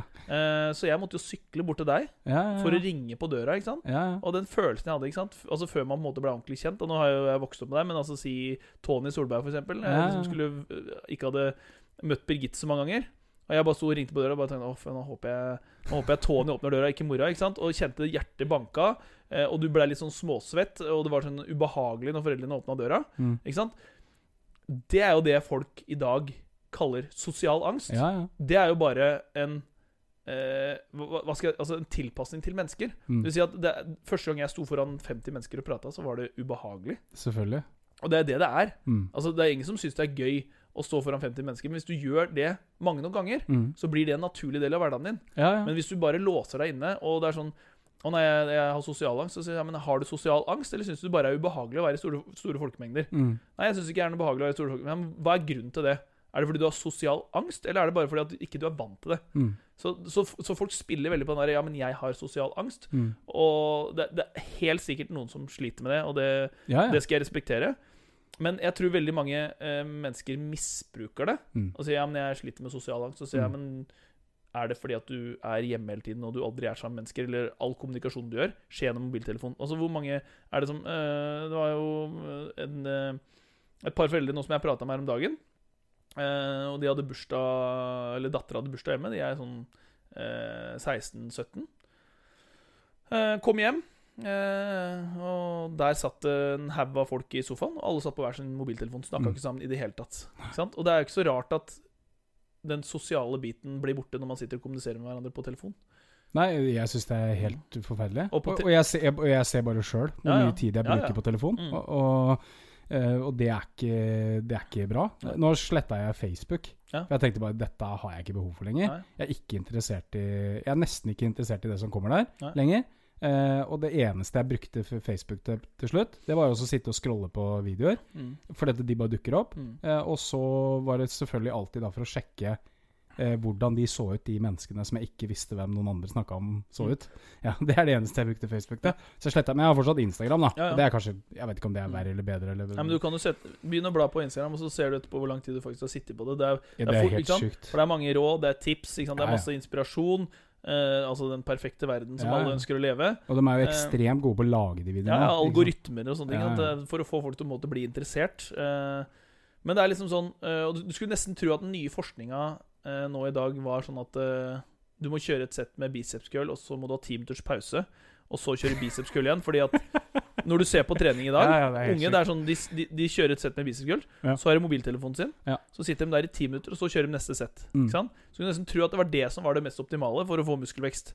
Men har dere noen regler mot det på Fokus? Eh, mobiltelefon. Ja. Aldri mobiltelefon under time, nei. Nei, Nei, det nei. tenker jeg er bra. da Det er kun hvis det er at du har noen barn som er hjemme, eller et eller annet, så har de telefonen ved siden av, eller hvis det er noe prekært. da Men så tenker jeg også, det er også Jeg har også tenkt på det sjøl, for jeg har vært liksom bevisst på det. Mm. At jeg, altså jeg er noen ganger Jeg er ikke veldig bevisst, men jeg er noen ganger bevisst på det. Så tenker jeg liksom hvis jeg sitter, hvis jeg sitter på treninga, da. Mm. Og hvis jeg er den eneste i det rommet Mm. som ikke sitter på telefonen mellom Mm. setta mine, Mm. så tenker jeg Er det noen som, er det som tenker på meg at jeg er en sånn kikker, hvis du skjønner hva jeg mener? Mm. Ja, ja. Tror, tror du det er noen som tenker det? Nei, jeg, For- tror, jeg tror de er mer i sin egen verden. Ja, og som regel så sitter de og følger med på telefonen sin. mm. Men jeg tenker, det er, det er en ting som jeg har gjort Jeg har egentlig vært litt sånn bevisst på det Mm. i forhold til når jeg, når jeg har vært på trening. da Mm. At, altså Jeg er jo glad i å kikke på folk generelt. Ja, ja. Det bør ikke bety noe verken, verken mer eller Nei, nei. mindre. Men jeg er glad i å bare sitte. Jeg kan, jeg kan dra til byen på en lørdag, og så kan jeg Mm. bare sitte der og kikke på Mm. folk. Jeg syns det er, kan være gøy. Ja, ja, det er veldig Altså, Se mennesker bevege seg, eksempel. Ja, ja, og der Se på han raringen der, Mm, eller se på hun flotte der, eller han flotte der, eller Og så tenker de sikkert det samme om deg òg. Mest sannsynlig han raringen der. Se på han raringen som ikke sitter på telefonen sin mellom Ja. setta. Ja, ja, så jeg tenkt at ja, kanskje det er noen som reagerer på det, da. Mm. Og så tenker jeg, ja, for at du hører jo veldig Altså det er jo, Du hører jo også veldig, veldig, veldig mange jenter da som mm. sier at de føler at mannfolk kikker på dem på treningssentrene. Ja. Det er også en sånn gjenganger. Mm. Og så tenker jeg ja, ok, men jeg sitter nå her, da. Og jeg sitter ikke nødvendigvis på telefon. Mm. Og da, da kikker jeg på alle. Jeg kikker også på Johan på 65. Mm. Ja, og så, og så ser jeg på han trene, eller så ser jeg på hun trene, eller så ser jeg på ei på 60 år trene, Mm. eller en Så tenker jeg Ja, men, men Ja, jeg sitter i hvert fall ikke på Mm. telefon. Og, og det er mye Og Ja, ja. det sier jeg det er mye, mye mer interessant for meg, men det er kanskje Det er, det er jo kanskje fordi at jeg både har blitt mer bevisst på det, men også kanskje fordi at det, både du og jeg er fra en generasjon hvor vi hadde både det gamle Ja. og det nye. Ja, ja. Ikke sant? Det som har skjedd nå med oss, generasjonen vår, da Mm. eh, med, i forhold til utvikling av teknologi, så tenker jeg ja, kanskje vi er mer bevisst på det, for vi er jo oppvokst i en tid hvor, vi, hvor du og jeg fløy ut med pistol i skauen og lekte, Ja, liksom. Det var, det var, eh, klubben Kuler og krutt. ja. Jeg, jeg husker en gang, ja. en gang var så, Da var jeg egentlig kanskje Jeg følte at jeg var litt for gammel Ja. Til å eie en eh, kruttlappistol. Ja, ja. Og så var det, jeg tror jeg det var noen kompiser i gjengen min som spurte meg om den kruttlapppistolen. Ja. Og da måtte jeg si at den var din. Ja, ja. Jeg, jeg husker men- det så jævlig men- godt, så men da, sky, da skyldte jeg på deg. Da sa jeg nei, den er ikke min, det er Truls Pettersen. Ja, ja. Men tilbake til det du sier. Det, også, som du sier, det er noen som kikker, da. Og så er det også inne på det der med sant, seksuell trakassering og sånne ting. Eh, og, så, og så er jeg liksom så tenker jeg OK, ok eh, Hvis du er jente, da, for eksempel, og så går du inn på nettet, og så ser du liksom på bilder og så tenker faen, den tightsen der var fin. ikke sant? Så kjøper Mm. du den tightsen fordi at den sitter bra over rumpa. Mm. Eh, ikke sant? Og da kler man jo seg for å skulle se bra ut. Mm. Eh, og hvis noen kikker, så kikker de jo kanskje fordi at de liker det de ser. Eh, eller at det ser kosmetisk bra ut, eller hva det er for noe. Mm. Eh, at de blir fascinert, eller at de syns det er gøy å se på mennesker. Mm. Jeg, jeg ser jo på mennesker hele tiden, og jeg, jeg er jo sånn som jeg, elsker å se mennesker bevege seg. Mm. Uansett hva de gjør for noe, så er det liksom så kan jeg si Ok, men jeg ser at du har litt vondt i hofta di. Så kan jeg nesten gå bort og si så, du, Har du noe problem med hofta? Så ja, hvordan visste du det? Fordi du, du ser liksom sånne, sånne Altså, jeg har jo trent inn over 13 år, så jeg har trent inn liksom Jeg ser hva som kan skje med kroppen, og hva, hva de kompenserer med. Mm. Og så kler man seg da, ikke sant, i sånn, eh, den nye tightsen som har kommet, og som da du har en tråd opp i rumpa omtrent, så du får med deg hele rumpeballene. Ja, så, så ser det ut som du har en G-streng på utsida. Yes. Ja. Eh, og så er det liksom eh, magetopp. Det er minst mulig klær. Og så er det liksom sånn Men hva forventer du når du kler deg sånn? Forventer du at folk ikke skal se på deg? Eller hva, er, hva slags signal er det du ønsker Hva er det du ønsker å oppnå Mm. ved å gjøre det? ikke sant? Jo mindre klær, jo mer, større kroppspress blir det. Og det er litt sånn regler vi har borte på Trimhuset. Sånn, eh, jenter kan trene singlet, eh, og de kan ha på seg tights, men ikke hotpants som går opp i rumpa, eh, hvor du ser eh, liksom eh, halve moder eh, natur. Mm. Eh, og samme med, med, med gutter. Grunnen til at vi har det, er jo på en måte Vi, vi ønsker jo å skape et miljø. Ja. Eh, og så er det mange som Ja, men det er jævlig teit at det er sånn. Så er det sånn Ja, men hvis du kommer hjem til meg, Mm. og du har på deg skoa og går inn i stua mi, så syns ikke jeg det er noe ålreit. Da ber jeg deg heller gå. Mm. Eh, og det er reglene som jeg har hjemme hos meg. Mm. Da må du respektere det. Mm. Du kan ikke bare si at jeg er teit for det vi har sånn. Det her er her jeg eier. Mm. Eh, og som sagt, treningssenteret er- det er jo privateid som, Ja, ja, ja. sånn det er nå. Og da er det sånn Det her er reglene her. Mm. Du trenger ikke å kverulere på reglene her. Nei, nei, nei. Da kan du heller dra et annet sted og trene. Og det er en ærlig sak. ikke sant? Og det Mm. er litt det der med at gutter skal ha singlet. Så er det sånn, Man har jo hatt den regelen at man har hatt singlet, men singletene blir bare mindre. og mindre. til slutt så blir det bare en tråd. Ja. Og til slutt så er det liksom Kan du bare liksom gå i baris? og, da, og da liksom? tiltrekker du et miljø som på en måte ikke du ønsker. Men når du skal på en måte Vi driver jo et familiesenter Mm. hvor du skal ha liksom Det er Eh, Fokus Kids, og det Pia er på 14-15 og, au Per på 90. Mm. Som på en måte skal tørre å på en måte gå om hverandre, og at man skal skape et felles miljø. Mm. Uh, og det er liksom, liksom det, det jeg tenker er viktig hvis du skal skape en verdi. Mm. Men da er det viktig å stå i det. Mm. Uh, og jeg vet det er mange som måte har måte gått inn og gjort de reglene, og så har de fått veldig mye motstand. Mm. Uh, og det, det vil det alltid bli i starten. Men er, jeg, som jeg sier, du må bare tørre å stå i det.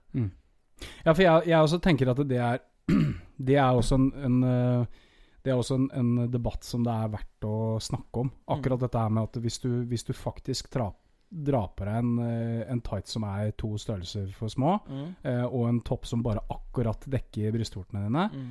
så er det sånn at eh, ehm, Da tenker jeg da må du også faktisk kunne forvente at det er noen som kikker på deg.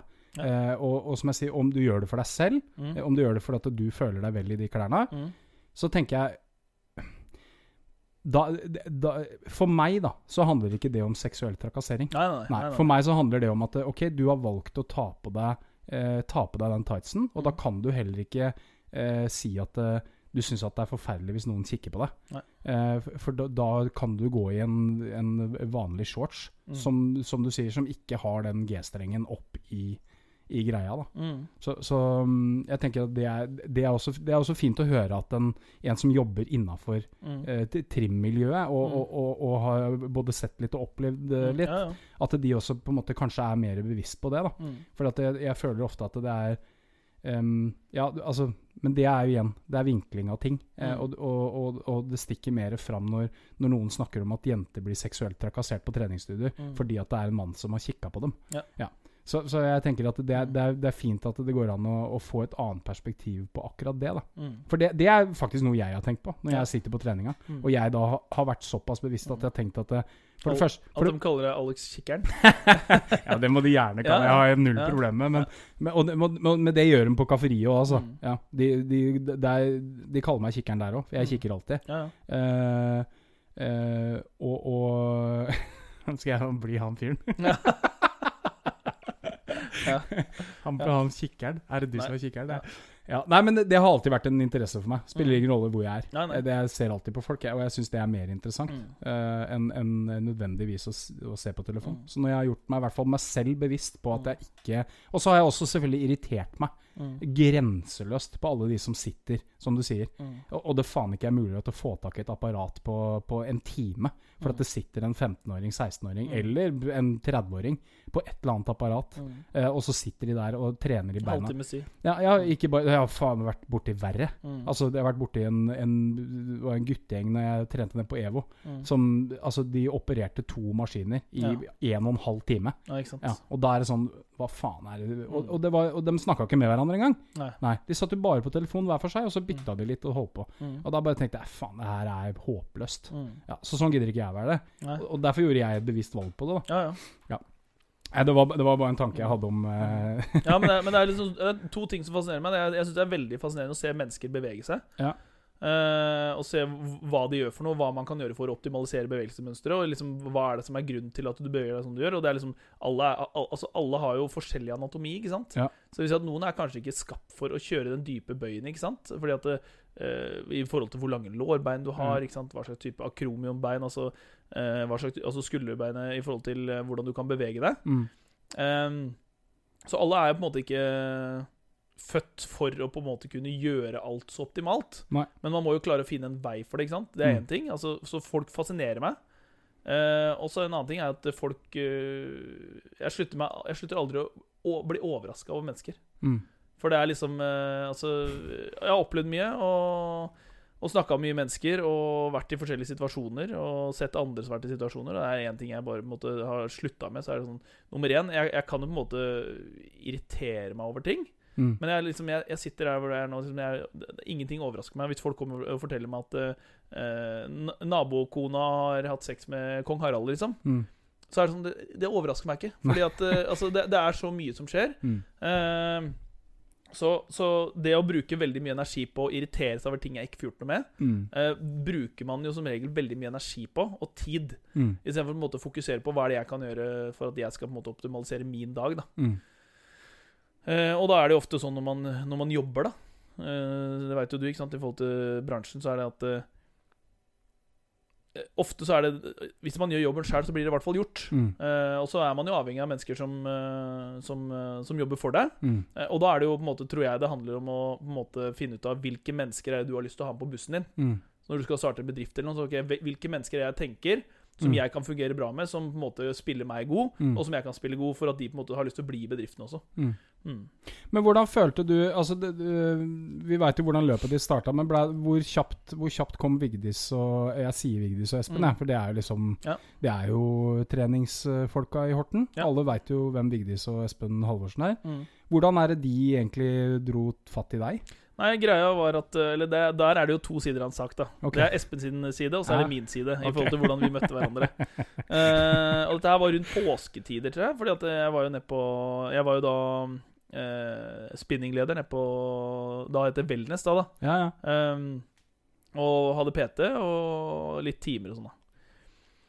Og så møtte, satte jeg på femmeren eh, og drakk med noen kompiser. På gamle Gamle femmeren, ja. Mm.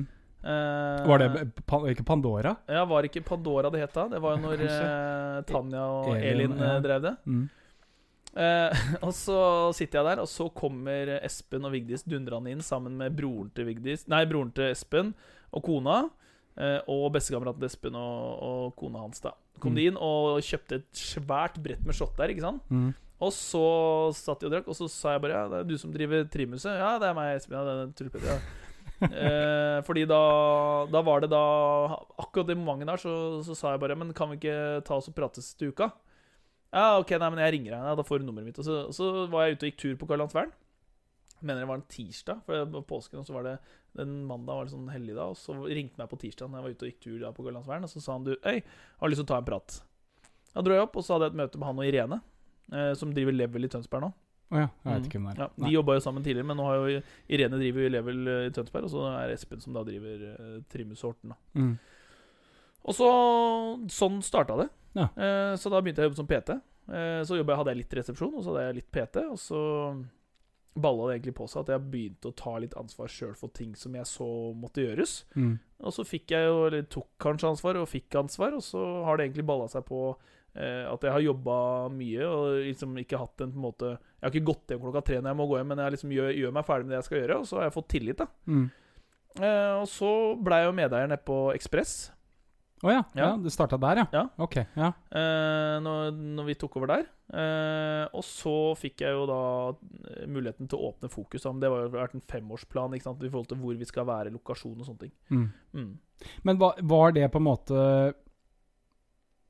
Var det på en måte en av dine tanker og ideer, dette fokusgreiene? Eller var det noe dere jobba ut sammen, eller har det på en måte vært en type drøm for deg? Ja, Det har jo vært en drøm for meg, da. Ja. Eh, For Espen har jo på en måte vært en løper.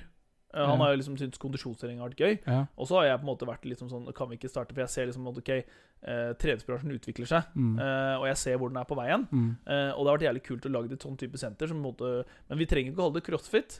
Eh, men vi Altså functional fitness altså Det her var jo Norges første functional fitness treningsboks. Eh, og etter det så har jo på en måte i den momentet mens vi på en måte fikk åpna det, så, så kom jo da functional fitness mer og mer inn, da. Mm. Så det er jo på en måte under Idrettsforbundet, da. Mm. Så det er jo på en måte CrossFit er jo én ting, og functional fitness er én ting. For deg så klarer ikke du å se forskjell, Nei. eh, men konkurranseformene er forskjellige i forhold til hvilken rekkefølge man gjør ting. Okay, Ja. Eh, CrossFit er jo kommersielt, har klart å bygge opp helt vanvittig renommé. Du ser jo bare nå på 'Mesterens mester' med Kristin Holte hvor sinnssykt godt trent eh, hun er. Hun ble da 'second fittest woman on earth' i CrossFit Games, men det har ikke blitt skrevet et ord i VG noen gang om henne før nå. Nei. Fordi Eh, at nå er hun på 'Mesternes Ja, mester'? og har eh, liksom Ja, hun, har jo, hun kom jo til finalen med Olaf Tufte, og Olaf Tufte vant jo. Mm. Men hun er liksom Hun er helt enestående. Mm. Uh, og du må være så du må, liksom, du må mestre så mye. Du må være god i alt. Du må være god i padling, roing, sykling, Mm. uh, klatring, gymnastikk, vektløfting. Du må være sterk, du må være utholden. Mm. det, er så, det er så mye momenter, da. Så det er- altså en multisportsidrettsutøver, Ja, ja. egentlig? Du må være god i absolutt alt. Mm. Det er sånn, Du veit jo aldri. Og det er liksom litt sånn som, sånn som CrossFit, for eksempel. Er liksom, det er ca. 15 000 bokser rundt om i verden. Mm. CrossFit starta da i 2006, hvis ikke jeg tar helt feil. Det vet ikke Eh, rundt, eh, rundt der. Nå skal ikke jeg si det 100 sikkert, jeg husker ikke sånn cirka. Og da og, begynte du da på Eller om det var 19 Ja, samme det. Eh, da begynte det på ranchen eh, nede i USA der, Mm. eh, hvor, du, hvor du kan gå inn på YouTube og se. Bare søke på First eh, CrossFit Games, liksom. Oh, ja. ja. Eh, helt vanlige mennesker med slengbukser som drev og kjørte noe kipping pullup og noe eh, chester bar og alt sånn. Eh, hvor, hvor det har på en måte utvikla seg til crossfit-konseptet, hvor de i dag er 15 000 bokser rundt om i verden. Ja. eh, Og så koster det da, for å få lov til å kalle seg crossfit, så må du betale eh, 30 000 kroner i året til crossfit. ja. Som en Eh, type lisens? ja, så Ja. det vil si at eh, de har jo på passive income, da, altså bare at folk kaller seg det, så får de inn 450 millioner bare på at folk kaller seg crossfit. Satan. Mm. Så det er business. Mm. Men de har, de har klart å bygge opp et vanvittig bra konsept, altså. Ja, ja. Ja og, og det eneste jeg hørte i starten med CrossFit, det var at alle som drev med vektløfting, de bare slang dritt om CrossFit. Ja. Se på de idiotene der, de trener jo helt feil. Og det Mm. husker jeg det var en sånn svær greie om at Mm. de som drev med tradisjonell styrketrening, Mm. de bare Fy faen, se på de apekattene der, Mm. liksom. Altså, de, de ødelegger kroppene sine og alt Mm. sånn. Og så ser du jo det i dag.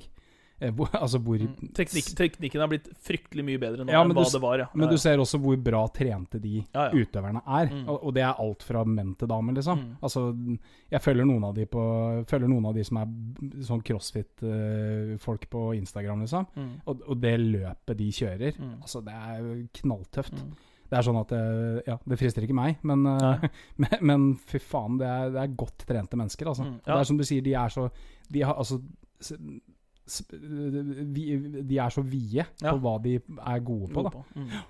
Men, Ja, Ja, og det er jo liksom det som er liksom det, det er som ofte Hvis man går inn og søker på crossfit, så er liksom folk i bar overkropp som slenger vekter og løfter mye og er helt uh, crazy. og gjerne i bar I overkropp. bar overkropp, ikke Ja. sant? Og så, er på en måte For mange utad så er det kanskje litt sånn skremmende, men? Man må tenke liksom det her er liksom 10 Mm. 10-15 som på en måte er så gode Mm. eh, at de på en måte er der. Mens resterende er jo den vanlige mannen i gata, ikke sant? Mm. Eh, hvor, og det som er bra med det her, er at vi kan jo skalere dette her til alle. Mm. Vi har jo alt fra 11 år Mm.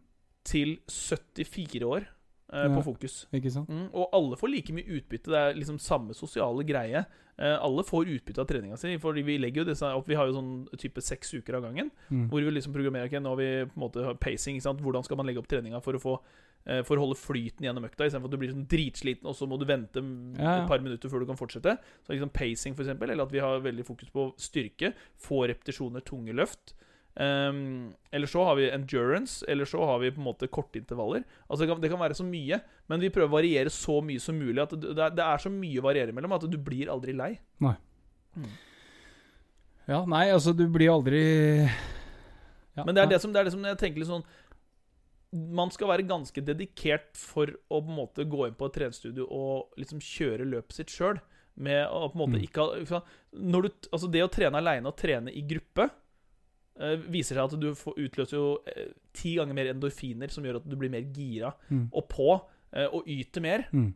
enn når du gjør det i gruppe. Og det er sånn som eh, Selv om det er liksom mellom 8 og 16 per time, Mm. så er det sånn at du tenker ikke på hva de andre gjør. Det er veldig mange som tenker ja, men jeg er så redd for hva andre føler at jeg gjør. Mm. Men du har mer enn nok med deg sjøl. Men det er bare det at det er noen rundt deg, Mm. og at du må ta den energien som er i rommet, Mm. som gjør at du yter ditt beste. da Er det? Og, og, ser, og det bør ikke være 15 stykker engang. Det kan bare være, altså For min del Det kan være to-tre. ja, men Det kan være jeg, bare, bare jeg og André, da Mm. bare vi klarer å dra hverandre på trening, Mm. så ser jeg det at da trener jeg mye, mye bedre Ja, ja. enn hvis jeg, hvis jeg er og trener aleine.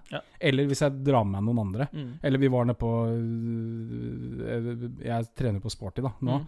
Um, og, og da er det liksom sånn Og så, så jeg, møtte jeg som heter Janne Andersen. Hun Mm. trener også der nede. da Og hun var sånn Jeg så at det henne Altså Hun var jo aleine på trening, Ja. men jeg ser at hun også Hun bare plutselig så slang hun seg på noen øvelser. Ja, ja. For at hun bare ble gira av det. Mm. Og så drev jeg og satt og sa til meg Ok, hvis du klarer Eller hvis jeg klarer uh, uh, sånn der eh, opp med skuldra med noe greier, da.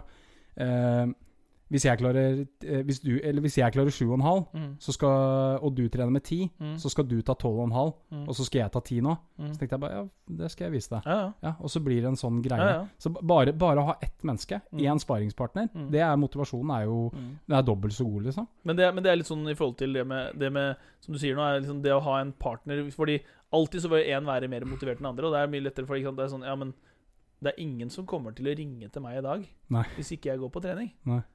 Så jeg kan egentlig bare bli på sofaen. Mm. Uh, og det, det er det veldig mange som tenker. Mm. Uh, er du en gruppe, så må du på en måte Da melder du deg på. Mm. Og så må du jo melde deg av innen fire timer før. Mm. Uh, som gjør at du får enda mer plikt til å kanskje Faen, ja, jeg må på treninga. Det er Mm. flere, flere som kommer ned og sier Faen, da var jeg ikke klar for trening. Men vet du Ja. hva? Så sier jeg, men kan du ikke bare legge deg på eh, 60-70 da? Mm. Og så bare eh, bare gjøre økta. Du trenger ikke å gi alt. Du trenger ikke å gjøre alt det du må, liksom. Og så Mm. bare halverer du, eksempel. Mm. Men bare gjør det den timen du er her. Mm. Uh, og da etterpå så er det sånn Faen, jeg er glad jeg dro på trening da. Og, Mm. og veldig ofte føler jeg, da, når jeg er på trening eh, Og jeg føler liksom I dag har jeg en dårlig dag. Mm. På trening i dag kjenner jeg at kroppen ikke er helt på lag. Er kanskje de aller beste dagene hvor jeg ser at eh, Fy faen, er bra jeg fungerte i dag. Mm. Så, så huet kan jo fucke litt med deg òg. Ja, ja. Mm. Nei, det der, er- det der er fascinerende. Mm. Og, det handler jo, tror jeg, om at vi er mennesker er glad i mennesker. Ja, ja. Generelt. Uansett om du er introvert eller ekstrovert. Mm. Vi er helt avhengig av å ha mennesker rundt oss. Mm. Både til motivasjon, men også til å Altså, Jeg ser jo bare, bare det å møte noen på treninga for å prate med dem. Mm. Det er jo hyggelig, det òg. Ja, ja. Du treffer jo folk ja, det er jo altså, det er veldig mange som bare er for det sosiale. Ja, ja. Som ikke på en måte nødvendigvis får så uh, mye utbytte av kanskje en trening. De er der, de beveger seg, de stimulerer muskulaturen. Mm. Om de gjør det optimalt eller ikke, spiller ikke noe mye rolle, men de, de drar derfra. Det, altså, jeg tror bare mennesker ønsker å bli sett. Det er sånn, Du ser veldig mange liksom gå forbi resepsjonen, og jeg er veldig nøye på ikke, ikke noe re- mobiltelefon i resepsjonen. Fordi så- så selv om det er sånn Ja, men jeg skulle bare booke en PT-time, så sier jeg men det hjelper ikke. Men det veit ikke Alexander som går forbi her nå. Nei. Han vet ikke hva du gjør på den telefonen. Det kan være Instagram, det kan være Snapchat, det kan være hva som helst. Mm. Men du ser ikke han. Nei. Han kom hit fordi han ønsker at noen sier hei, Mm.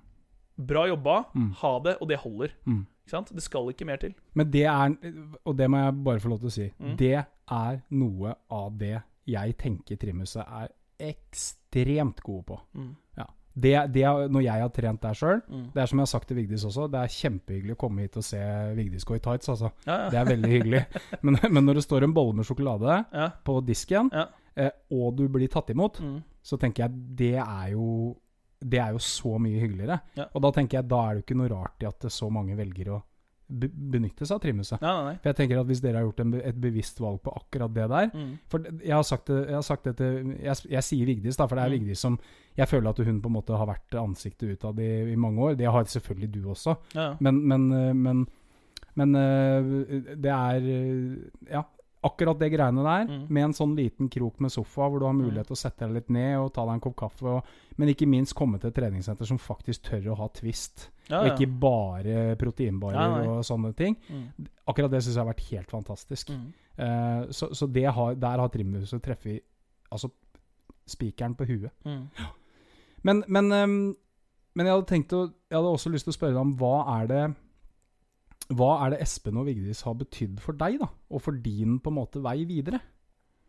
Ja, altså det har jo på en måte vært eh, Altså Jeg har jo fått eh, Altså Vigdis kom jo egentlig litt seinere inn i bildet. Altså, jeg, Mm. jeg kjente jo Vigdis, men det er jo Espen og Irene som dro meg da inn eh, på Trimhuset. Mm. Eh, og når jeg kom inn, så var jeg liksom Fikk alltid liksom den beskjeden jeg var på tur. Liksom, ja, det er første reis, og det er lillegutt, og ikke sant. Den der, ikke sant? Så jeg liksom måtte Og Espen som sa det der. ja, ja. Han sier det enda.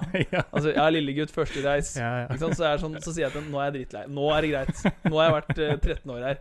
Nå er det greit å liksom eh, Nå må du finne på noe nytt. Ja. Eh, og jeg har jo på en måte fått lov til å være med, ikke sant? sånn type til eh, på messer, reise rundt på andre treningssenter. Eh, blant annet altså type FIBO. Jeg, ble, jeg var jo med til Los Angeles. Eh, på verdens største fitnessmesse. Mm.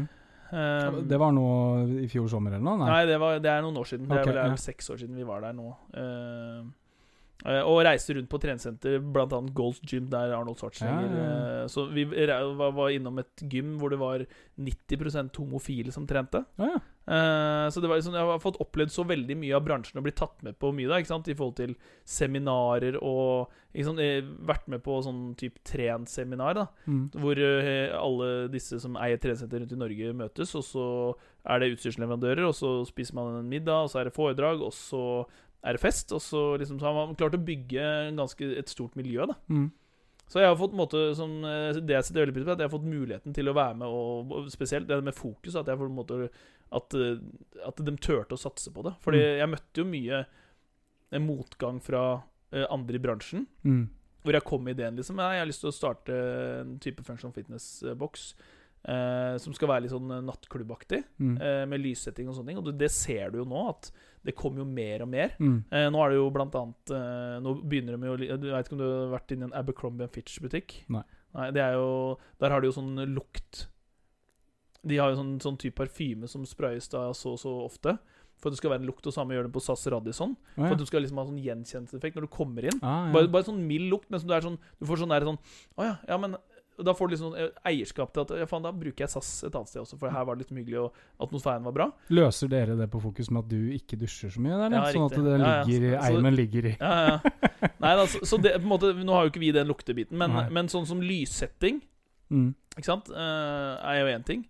Så, så, men spørsmålet var jo da? Jeg, har fått, jeg har fått mye, mye på en måte push på veien og mye muligheter. Mm. Uh, så det har jeg satt veldig pris på. Mm. Uh, så jeg hadde nok ikke vært der jeg er i dag hvis ikke det hadde vært eh, for de. Altså det er jo sånn som Som sagt, Vigdis kom inn litt seinere, men hun Mm. har jo kommet som ei kule og liksom eh, og, Sånn som jeg ser det, og en æ- ærlig sak, det er jo at Vigdis er på en måte eh, akkurat nå altså t ansiktet utad for Trimhuset. Mm. Fordi hun er alltid ute i resepsjon, og hun liksom hun er ute Næringsfrokoster altså hun, er, hun er ansiktet utad. Ja, står på stander. Mm. Eh, tråkker til og kliner til der det skal gjøres. Ikke sant? Og er ordentlig rivjern og gjør masse som, som jo egentlig ikke forventes at skal gjøre. Mm. Mm. Ja. Nei, det er, det er eh, fine folk. Mm. Det er du òg, da. Ja, du, det også er du også er et eh, positivt tryne. Så det og, og jeg regner med at eh, mange i byen her tenker det samme. Um, Jeg får håpe det, da. ja, det veit du aldri, vet du. nei, nei. Nei, de kan smile til deg, men det er ikke sikkert ja. du Nei, når da, du det er vel alltid, alltid noen som eh, eh, Altså, man har vel ikke sansen for alle mennesker heller, så, så man kan ikke Nei. forvente det. Nei, det er, sånn, eh, sånn er det jo. Mm. Det er, ikke, det er ikke alle som tåler alle. Nei. Men eh, vi må dra oss litt videre på eh, Nå begynner vi å dra oss mot uh, ja, Så har vi jo skravla i 1 time og 40. Ja, ikke sant? Ja, og du, nå Ja. skal du egentlig spise middag. Ja, ja. Ja, klokka fem. Ja, men det går bra. Men vi er nødt til å snakke litt om Navy Race. Ja, riktig. For at det er jo det store Det er jo det store Og det, hvem, hvem er som egentlig er Navy Race? Er det bare deg? Eller hvem er som er med på dette, og hvem er som har vært med på det siden starten? For du sa det starta med Bytri, Ja. men så utvikla det seg til da å bli en sånn type OCR-greie. ja, Bytri var jo Altså, Det er triatlon, ikke sant? det var triathlon. triatlon. Så, så greia var for, for mange år siden så, så var det sånn at vi hadde et triatlon på videregående. Ja. eh, Hvor alle idrettsklassene var med. Og så snakka jeg og noen kompiser om at faen, vi må ordne det liksom når vi er ferdig, for det er litt kult. Mm. Og så var det da min svigerfar da Han sa til meg liksom bare Faen, nå er jeg så drittlei å høre på at du jabber om det der triatlonet. Nå får faen meg gjøre noe med det. Og da ble jeg fyra. Er Henrik Elvestad? Nei, Nei. nei, nei. nei. Det var, eh, det var eh, Alf Håvard. Ok. Ja. så, så tenkte jeg ok, greit. Og jeg er jo sånn at jeg lar meg jo Eller jeg blir jo engasjert av at folk jobber imot meg. Ja. Jeg vil si at Hvis folk liksom sier at det går ikke, eller det får du ikke til, eller det Så blir jeg bare enda mer fyra til at da skal jeg motbevise at det skal jeg få til. Ja. Um, og da var det sånn Ok, greit, nei, men det skal jeg gjøre. Så tenkte jeg ok, det blir et venners venners arrangement. Mm. Uh, 50 stykker. Jeg skulle være med sjøl. Mm. Uh, ringte til EQ Timing Oslo, så kan vi bare få opp en påmelding, for jeg må ha ett system her. Mm. Eh, ja, ja, nei, vi ordner det. Og så begynte Åpna vi det, og så ringte jeg til Tom Remman, for han skulle ha et, eh, et eh, arrangement eh, på Borrehaugene som het noe sånn Exterra. Han skulle ha 600 deltakere der borte. Oh, ja. Og så spurte jeg kunne, kunne vi få til et samarbeid. Liksom. Han bare ja, nei, men du har din greie, jeg har min greie. Og så, fordi da, jeg var jo, Han har jo vært med i Norseman mange ganger, så han var liksom veldig inn i den bransjen. Mm. Og jeg var jo helt fersk. Og så begynte folk å melde seg på, og så plutselig så bare gikk jeg inn og så kikka på meldinga, så plutselig sto det 64 stykker. Og så ringer jeg til EQ og sier men vi skulle ikke stenge på 50, da? Og de bare Å, faen, det har vi, vi har glemt å sette på sperre her. så jeg, ja, men la han gå til 80, da. Ja. Så gikk det et par-tre dager, og så var han plutselig oppe på 80. Og så sier jeg faen, ok, øk den til 100, da. Mm. Økte vi til 100, og så gikk det veldig fort òg. Og så ser jeg med setten til 100 og et eller annet, 120, tror jeg. Så gikk det opp dit. Og så til slutt så økte vi til 200, tror jeg. Ja. Så det var jo 183 deltakere. Mm. Um, og da var det sånn at eh, jeg trodde jo da at eh, det her var jo ikke noe problem å løse selv. Nei. Jeg hadde jo kontroll på hvordan løypa skulle være, utstyret, så det var liksom Jeg jobba jo Brukte feriene mine da på å gjøre det her ved siden av jobb. Mm. Og så hadde jeg en gruppe på Facebook hvor jeg liksom inviterte folk om de kunne være med og hjelpe til frivillig. da For frivillig-biten, da som, Altså dugnad i dag er jo betalt. Ja, ja. Ikke sant? Mens da var det liksom dugnad frivillig. Så jeg fikk tak i 100 mennesker som hjalp meg. Altså funksjonærer. Ja, ja, Ja. stykker som var der frivillig Mm. for å hjelpe til. Og det, vi snakker fortsatt om bytre. Bytre, første, Ja, ja. første Mm. året. Mm. Eh, og da hadde jo Tom Reman ringt og sagt Fordi at han fikk jo bare 36 påmeldte på sitt løp. Så han var sånn eh, Han ringte til meg og skulle være med på løpet, og om vi kunne få til et samarbeid og sånne ting. Så Hva sa du da? jeg sa ja, ja, vi ordna det. Ja, ok. Ja, så han inviterte meg hjem og ga meg våtdrakter, og det var jo ikke måte på. Så han skjønte det, da. Ja, han Ja. skjønte kanskje at det, det traff litt bedre. Ja. Og så eh, Når dagen kom, da, Mm. en time før start, så måtte jeg få, få ut alle funksjonærene. Og da var liksom politiet var der, det var eh, Norsk Folkehjelp, det var spiker. Espen Idås skulle jo være spiker. Eh, og jeg hadde ikke kontroll i det hele tatt. Det var null kontroll. Og så tok jeg med meg Roar Larsen og Jens Petter inn, sammen med alle de frivillige som skulle være funksjonærer rundt i løypa og vakter. Og jeg sto der, jeg hadde panikk. Jeg visste ikke hva jeg sa, og så sier Jens Petter og, og Roar bare, bare ta det rolig. Det her ordner vi. Ja. Det, her, det her går fint. Ja, ja. Og så gikk jeg ut av rommet, og da fikk jo de panikk. Da var det sånn Å, nå må vi bare få dere ut i løypa! Så de, de bare prøvde å holde roen mens jeg var der. Så, så, så, men av en eller annen merkelig grunn så klarte vi å få redda dette her. Men da skjønte jeg jo fort at ok, det her kan jeg ikke gjøre sjøl. Så, så har du på en måte bare balla seg på, og så har jeg fått inn eh, sånn som Det er flere sånn som Hege Tomter, Lena Bakker, søstera mi var jo med. Eh, ikke sant? Christian Pedersen har jo vært med helt fra starten. ja, ja. Eh, og det er flere, flere navn som, eh, som kommer med underveis. Så hadde vi bytre i fire år, og så fikk vi jo tildelt Norges første NM i terrengtriatlon i Horten. Oh, ja. Mm. Ja. Og så drev, vel, så drev vi vel eh, Horten bytre. Det, kom det, det var noen mennesker inn, og flere mennesker Altså noen ut. Eh, og så, ikke sant, For da var jo liksom Johan Harris var med, Vegard Martinsen, Jenny Louise Bjerke altså det var, det er, altså Jeg kan nevne mange navn som har vært med og bidratt opp gjennom åra. Og så eh, så fant vi ut Så begynte jeg Jo, så ble Nicolay Ruud Ja, ja. Han uh, spurte Hei, du skal ikke være med å løpe tøffest ja. i Oslo. Er det opp Holmenkollen? Holmenkollene. Ja, ja, ja. Så sa jeg jo, faen, det kan jeg være med på. Ja, men da melder jeg deg på. Ja, greit, kult. Og så kjørte vi til Oslo, og så kom vi inn, og så sier han og så gikk vi hen til startnummer. Og så sier han du må selge deg den køen her. Så sier jeg men det er jo kvalifisering til EM. Ja, skal du ikke løpe tidlig, da? Så da jeg, ble jeg med der på tøffest, men jeg var jo da i den gruppa som skulle kvalifisere meg til EM. Ja. Og det var jo da sånne chipkjappere som veide 40 kilo, og så har du meg på 96, ikke sant? I en sånn eh, ninja-hinderløype i Holmenkollen der. Eh, Det er jo Med en gang det er motbakke, så flyr de 40 kiloene opp, mens jeg går jo bakover omtrent. Ja. Og jeg løp og tenkte bare ja, jeg får bare komme meg gjennom det her. Syns det her var jævla gøy. Ja. Og tenkte faen, jeg skal bli med neste år også, fordi at eh, jeg ser det er flere av disse hindrene. Disse her skal jeg faen meg klare neste gang. Mm. Så du hele tiden eh, vi, og, så, og så tenkte jeg faen, det her har vært dritkult gjort i Horten. Mm. Eh, og da kom historien om uh, Navy Race, ikke sant? Ja. Og så tenkte jeg ok, det her må jo være noe historisk. hva er, hva er det vi har som er i Horten som er så unikt? Eh, og så må det være litt historie bak det i forhold til at det er jeg som driver det. Mm. Så hadde vi jo da uh, Horten, nei, Horten Bytri og Navy Race i 2018 samt, altså, Ja, rett etter hverandre. Mm. Eh, og da ga jeg det fra meg til Horten sykkelklubb. Eller Horten triatlonklubb, da, som, som tok over det. Som, som drev det ett år til. Så da fikk jeg være med å løpe sjøl. Ja. Men historien da, så var det sånn, ok greit, da tenkte jeg jeg kan gå rundt på Karlandsvern, så tegna jeg en løype. Og så ringte jeg til Alexander eh, eh, Alexander eh, Gjessing. Ja, ja, Ja, ja. Sønnen til Robin. Eh, Riktig. Ja. Eh, og så spurte jeg Du, faen, jeg trenger eh, design på en lo her. Eh, og så fortalte jeg litt om historien. Uh, og de, første designa på logoen til uh, Navrace var egentlig litt sånn uh, Så ut som sånn uh, sail racing-merke. Litt sånn litt sånn veldig sånn pent sånn Var nesten litt sånn eh, Sossete. sossete. Ja, Eh, så jeg sa jeg må ha litt røffere. ja. Ehm, eh, og så sa jeg liksom Ok, ja, men pappaen min Han har jo vært orlogskaptein eh, Ja. for Forsvaret. Eh, og uh, Vern er en gammel orlogsstasjon. Og mora di jobba i Forsvaret i mange år? Ja. Eh, og så kjørte jo pappa stjernen for kong, uh, kong Olav. Mm. Uh, så da har vi liksom fått inn disse tre stripene med den sirkelen. Og så har vi fått inn noen stjerner. Mm. Og så sendte vi inn, det- måtte jo sende inn logoen til Forsvaret, for de må jo godkjenne når det er sånn våpenskjold. Mm. Så må de godkjenne at det, måte, ikke det ligner for mye på Forsvaret sitt. Mm. Gjorde vi det, og så begynte ballen bare å trille. Så hadde vi vel 700 påmeldte. Eh, Var det første året? Første året. Satan. Eh, Det er bra, da. ja, fått med meg mye profiler og sånne ting. Da, sånn som uh, Shape Up Katrine og Aktiv Mamma og Mai Tømmevold. Mai Tømmevold er jo verdens uh, Hun er vel verdensmester i alt som er av branndame fysisk nå. Mm. Eh, Olaf Tufte ble jo med å løpe. Eh, uh, og så Da hadde vi jo alt borte på helt inne på Møring omtrent. Og så Mm. bytta og så Fordi det som var spesielt med Navrace, var det at vi fikk lov til å bruke KNM Narvik. Mm. Så Bent Smørsten Han var jo så positiv til dette her. Mm.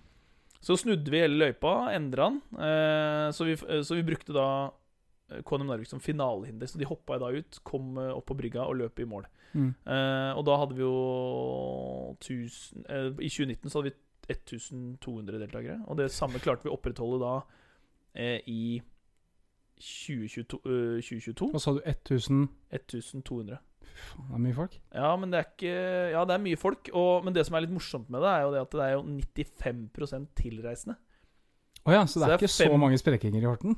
Eh, jo da, det er, det er, men det er, det er 5 da Ja. fra Horten som er av de 1002. Yes. Så det er veldig mange tilreisende. Og så kjørte vi det da nå i 2022.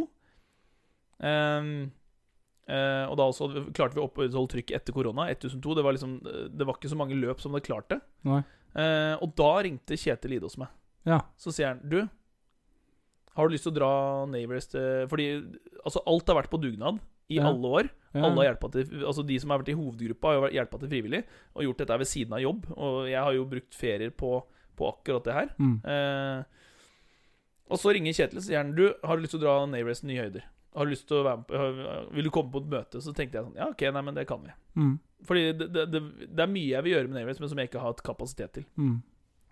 Og så øh, var jeg i møte med Kjetil og og Kristoffer, eh, sønnen hans. Og så sa han bare Vet du hva, vi har så trua på det konseptet ditt. Konseptet ditt er solid. Det er dritkult. Uh, du har bygd opp noe bra her. Du har Mm. bra brand. Mm. Uh, du har fått med deg bra folk, liksom. Uh, og det er mye bra omtale. Mm. Eh, har du lyst til å gjøre dette her eh, om til et selskap? Som, uh, da, jeg hadde gjort det om til AS året før for å slippe risikoen på enkeltmannforetaket. Mm. Og da sa han ja, men da, da gjør vi det sånn, og så går vi inn, og så skaper vi emisjoner. Så vi går ut, og så legger vi ut aksjer for salg, og så ser vi om noen vil kjøpe aksjer, og så må vi ha så og så mye penger for at vi skal gidde å liksom trykke på gassen her. Ja.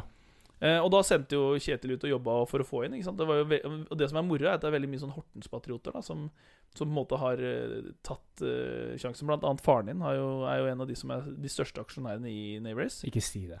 Ikke? Nei. Ah, nei. Så, så Jeg, jeg visste ikke det du sa nå. Nei, nei. Jeg visste at han var med, ja. men jeg visste ikke at han var en av de største. Jo da, det er han. Ja. Så, så han, han er jo da Han har jo en plass i styret, faren din. Å, ja. Så Espen Idos Idås er jo styreleder, og så er det faren din, og så er det meg som sitter i styret. Ja. Eh, så vi eh, har jo da sittet sammen og drodla masse med både Kristoffer også. Så på en måte, ok, hvordan skal vi gjøre dette? Så har vi bygd opp denne bedriften nå til å, fra å være en dugnadsbedrift til å ansette nå fire stykker. Vi har én eh, på toppen der igjen, med markedsføring. Mm. Eh, så det, vi har da fire stykker som får lønn av Navrace.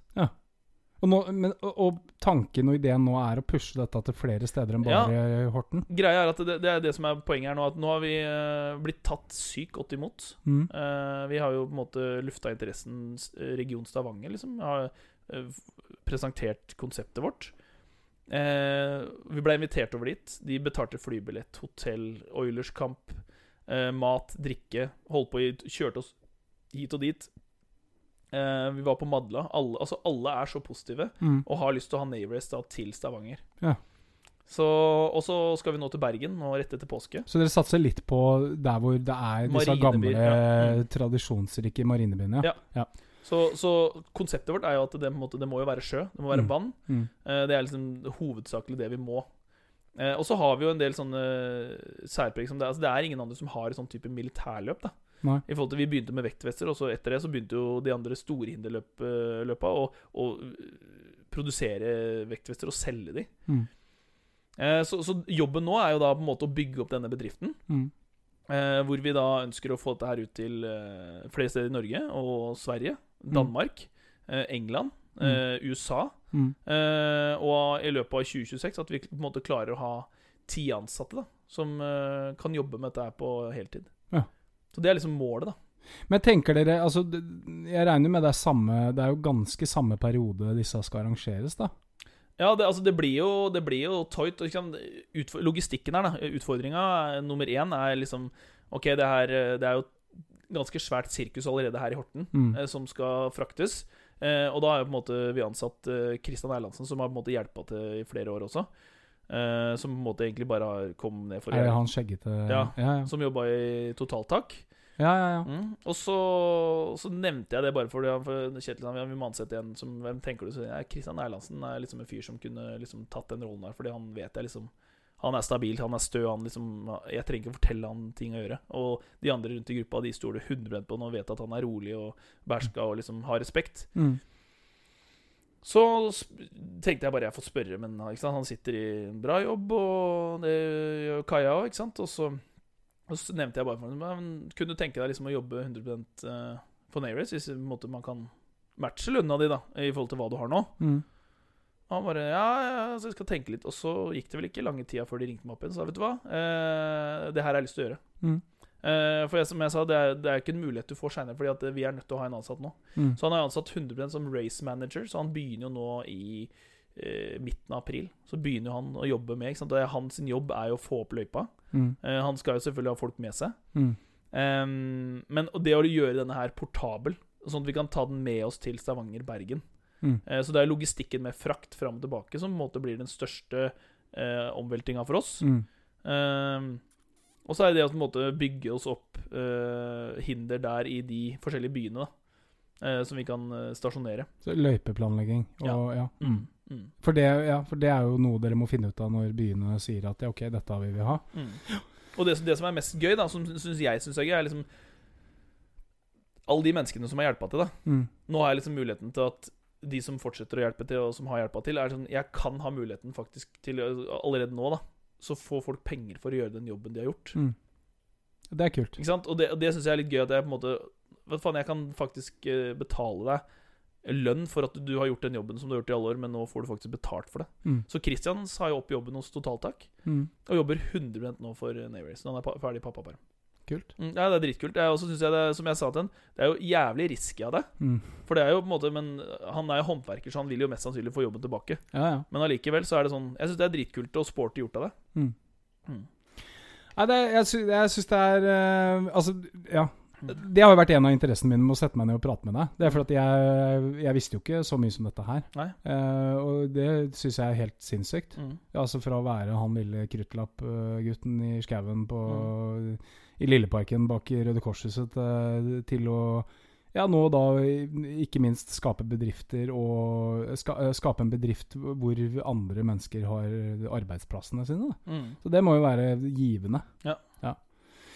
Nei, så jo, også, og det er jo også litt viktig. Jeg tenker, er det eh, I forhold til kanskje spesielt Navy Race, da, Mm. hvis vi, hvis vi skal snakke om det, eh, eller når vi snakker om det.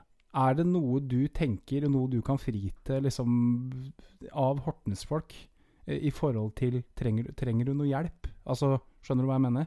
Ja, altså, det er jo altså Er, er, er, det no, er det noen ressurser som du veit vi har i byen, som hadde Mm. gjort den jobben for dere lettere? Sånn at, eh, for det, det er ikke noe tvil om at Navy Race er definitivt med på å sette Horten på kartet. mm. Hvis du sier at du har, du har to år på rad, så er det 2400 mennesker da, Mm. som, som kommer hit. Og 90 Ja, hva ja, sa du? målet, målet vårt nå er jo å få 2000 del deltakere til Horten. Ja. Det er målet vårt. Men det vi ønsker nå, er at vi har jo hatt barneløpet på fredag, så har vi hatt voksenløpet på lørdag på morgenen. Mm. Og så har vi på en måte kasta ut et bilde eh, på sosiale medier om at vi kjører noe afterrace. Eh, men da, ikke sant, folk kom til klokka ett. eh, Og noen har kommet klokka fem, og noen klokka åtte. Og noen klokka to? Så det har ikke blitt noe greier rundt det, ikke vært noe trykk på det. Så jobben vår nå er at vi skal eh, på en måte vi har, Ja, vi har et idrettsarrangement, men det her skal bli et event. Mm. Så det vil si at vi ønsker å ta Færderen tilbake til Horten. Ikke, ikke selve Færderseilaset, men folkefesten. Mm. For det er liksom 5. august. Mm. Eh, så vi skal på en måte kjøre sånn at vi starter eh, barneløp klokka 11. Mm. Så de er ferdige til 12.1. Så starter voksenløpet klokka 3. Så når, med en gang folk kommer inn i mål da, så er det, skal det gjerdes inn. Eh, Det skal settes opp eh, telter. eh, Det skal være ølservering. eh, Det skal være musikk. Det skal, være, det skal bli en folkefest hvor eh, Faen. Hortensfolket også skal komme. Ja. Hvor, det, hvor det blir et stort event Mm. eh, som skal bli en tradisjon her i Horten. Det er det vi ønsker. Mm. Og da er det jo selvfølgelig mesteparten av folk Vi ønsker at folk skal bli igjen Mm. i Horten. Altså, da tenker du på de 95% som ikke er Ja, derfra, for eksempel liksom? at Ja. mesteparten av de blir igjen i Horten. Mm. Er, sånn, er det to vennegjenger som kommer, da, så er det sikkert to altså, Om ikke de overnatter, Mm. så er det sikkert en som kan kjøre bil, og åtte som kan drikke. Ja, ja. Eh, om det så er så. Men, eh, men jeg tror bare vi må tørre å satse, og så kline til. Mm. eh, og prøve å skape den folkefesten. For det, ja. Er helt enig. Og jeg snakka litt med Claes om dette. Vi snakka om Ja. sånne type ting som f.eks. Verdenfestivalen. mm, Ikke sant? Og Verdenfestivalen er så enormt bra. ja, ja. Altså, det er så bra. Mm, Uh, og da er det sikkert Det er jo sikkert mange tilreisende da også. mm, Uh, men vi, vi snakka også om at vi savna det, det Færderseilasen. mm. At det også har vært en sånn ting, i hvert fall for vår generasjon, hvor alle fra byen, fra utsida, kom hjem, ikke sant. Mm. Du hadde julejazzen på, ikke sant, i jula, andre juledag, Ja. alltid nede på Thon hotell, eller ja, ja, gamle Grang, da, Mm. eller hva det heter for noe. Mm. Eh, og så var det da Færderseilasen, og så har vi nå Vervenfestivalen. Mm. Og som jeg, som jeg syns er så synd, da, at vi har mista to av de. Ja. Fordi at det, ja, det er julejazz i dag også, men Ja. ikke i nærheten den folkefesten det på en måte var før. Nei. For da var alle der, og det var i segment fra du var eh, ja, fra du var 20 til du var 80. Mm. Um, men det var også ferdigseilasen. Mm. Ferdigseilasen var alltid et sånt kjempefint Ja, ja, treffpunkt. Og det var jo, det var jo flest Hortensfolk som var der. Ja, og, Uten tvil. ja, ja, men Mm. det, var, det var så supert, og det var så mye båter, og det var så mye liv. Mm. Så jeg tenker at hvis, du, hvis, du klarer, hvis dere klarer Jeg, jeg, jeg tror at Hortensfolket Mm. er klar for en sånn type Mm. fest igjen, da. Mm. Eh, fordi at eh, Ja, OK, så har vi mista de eh, sossete Oslo-seilerne. Så Mhm. får de sitte på Kalnes brygge Nei, ja, de får sitte på Ja. brygga der og komme inn og ut med båtene sine to Mm. ganger i døgnet. Så får de kose seg i hjel. Mm. Men uh, kanskje vi kan få tilbake den folkefesten, da. Ja. For det, det, det er så viktig. Og det er jo det, måte, det som vi skal jobbe inn mot å lage dette her som et event, og, og, og prøve å gjøre liksom en copy-paste av dette her, og så på en måte få til det i Stavanger. I hvert fall når de er så imøtekommende, Mm. Uh, så tror jeg ikke det er noe problem å få til. Og vi har vært og sett på flere lokasjoner eh, oppe i Stavanger, og det er mye, mye kult vi kan få til. Mm. Eh, men det er som sagt det med Eh, og det, jobben min nå blir jo da å reise rundt eh, og ringe rundt eh, bedrifter i Horten. Mm. Eh, og liksom fortelle ok, greit, her er, det er 5. august. Det er rett på slutten av sommerferien. Mm. Eh, dere starter snart på jobb igjen. Eh, det, ikke sant? Så bruk det som en kickoff. Du har 100 stykker i bedriften din. Mm. Eh, 20 vil løpe, 80 vil ikke løpe. Så er det sånn, ja, men De gidder ikke å komme ned klokka ni på en lørdag morgen for å se på at folk løper, men de gidder å komme ned klokka tre hvis de kan ta seg en øl. Mm. Ikke sant? Og ha den teambuilding-greia. Man må ha respekt for de som ikke vil løpe. Ja, Så har man respekt for de som vil løpe, og så kan man skape en sånn teambuilding-greie. Mm. Og det er det jeg skal prøve å få bedrifter rundt i Horten til å på en måte bli med på. Mm. Så de har dette som en sånn type kickoff før eh, høstsesongen starter. da Mm. mm. Nei, det høres eh, for min del eh, kjempespennende ut. Mm. Jeg synes det er da, da føler jeg dere Da føler jeg det tar tilbake noe av det vi mista Ja. ja, når vi skal Mm. snakke om den folkefesten. da Mm. For det også var en veldig veldig viktig greie, Mm. følte jeg, da for Horten. Det var den ferdigseilasen. Mm. Fer. Mm. Så hvis dere klarer å skape den folkefesten igjen, så tror jeg Horten Spesielt Horten hadde satt pris på Ja. det. da. Og det er jo faren din og Kjetil som måtte ha liksom sagt det at eh, de har vært veldig på der. da At de ønsker å få til det her. Ja, ja. Mm. Ja. Jeg har ikke snakka så mye med fatter'n om dette. her. Det var derfor jeg hadde lyst til å snakke med deg. Ja, ja. Så, så ja. Ok. Nei, men uh, Spennende. Så, og, og, men det er ingenting on top of your head som du tenker at Vet du hva, dette her trenger jeg. Dette hadde vært jævlig fint Ja. hvis noen hadde uh, bare strekt ut en arm Ja. og bare sagt Hvis det er en bedrift i Horten, Mm. et eller annet, en fyr eller Mm. Altså et eller annet som du Ja. Altså, det, altså det, som, eh, det som vi har prøvd litt på før, men som sagt, det her har vært en dugnad, så det er begrensa hvor tid jeg har hatt i forhold til at jeg har 100 jobb ved siden av. Så det, på en måte, det som hadde vært kult, er å få til f.eks. at disse byggfirmaene rundt i Horten At de på en måte kanskje har lyst til å bygge seg sitt eget hinder, f.eks. for Ja. eksempel.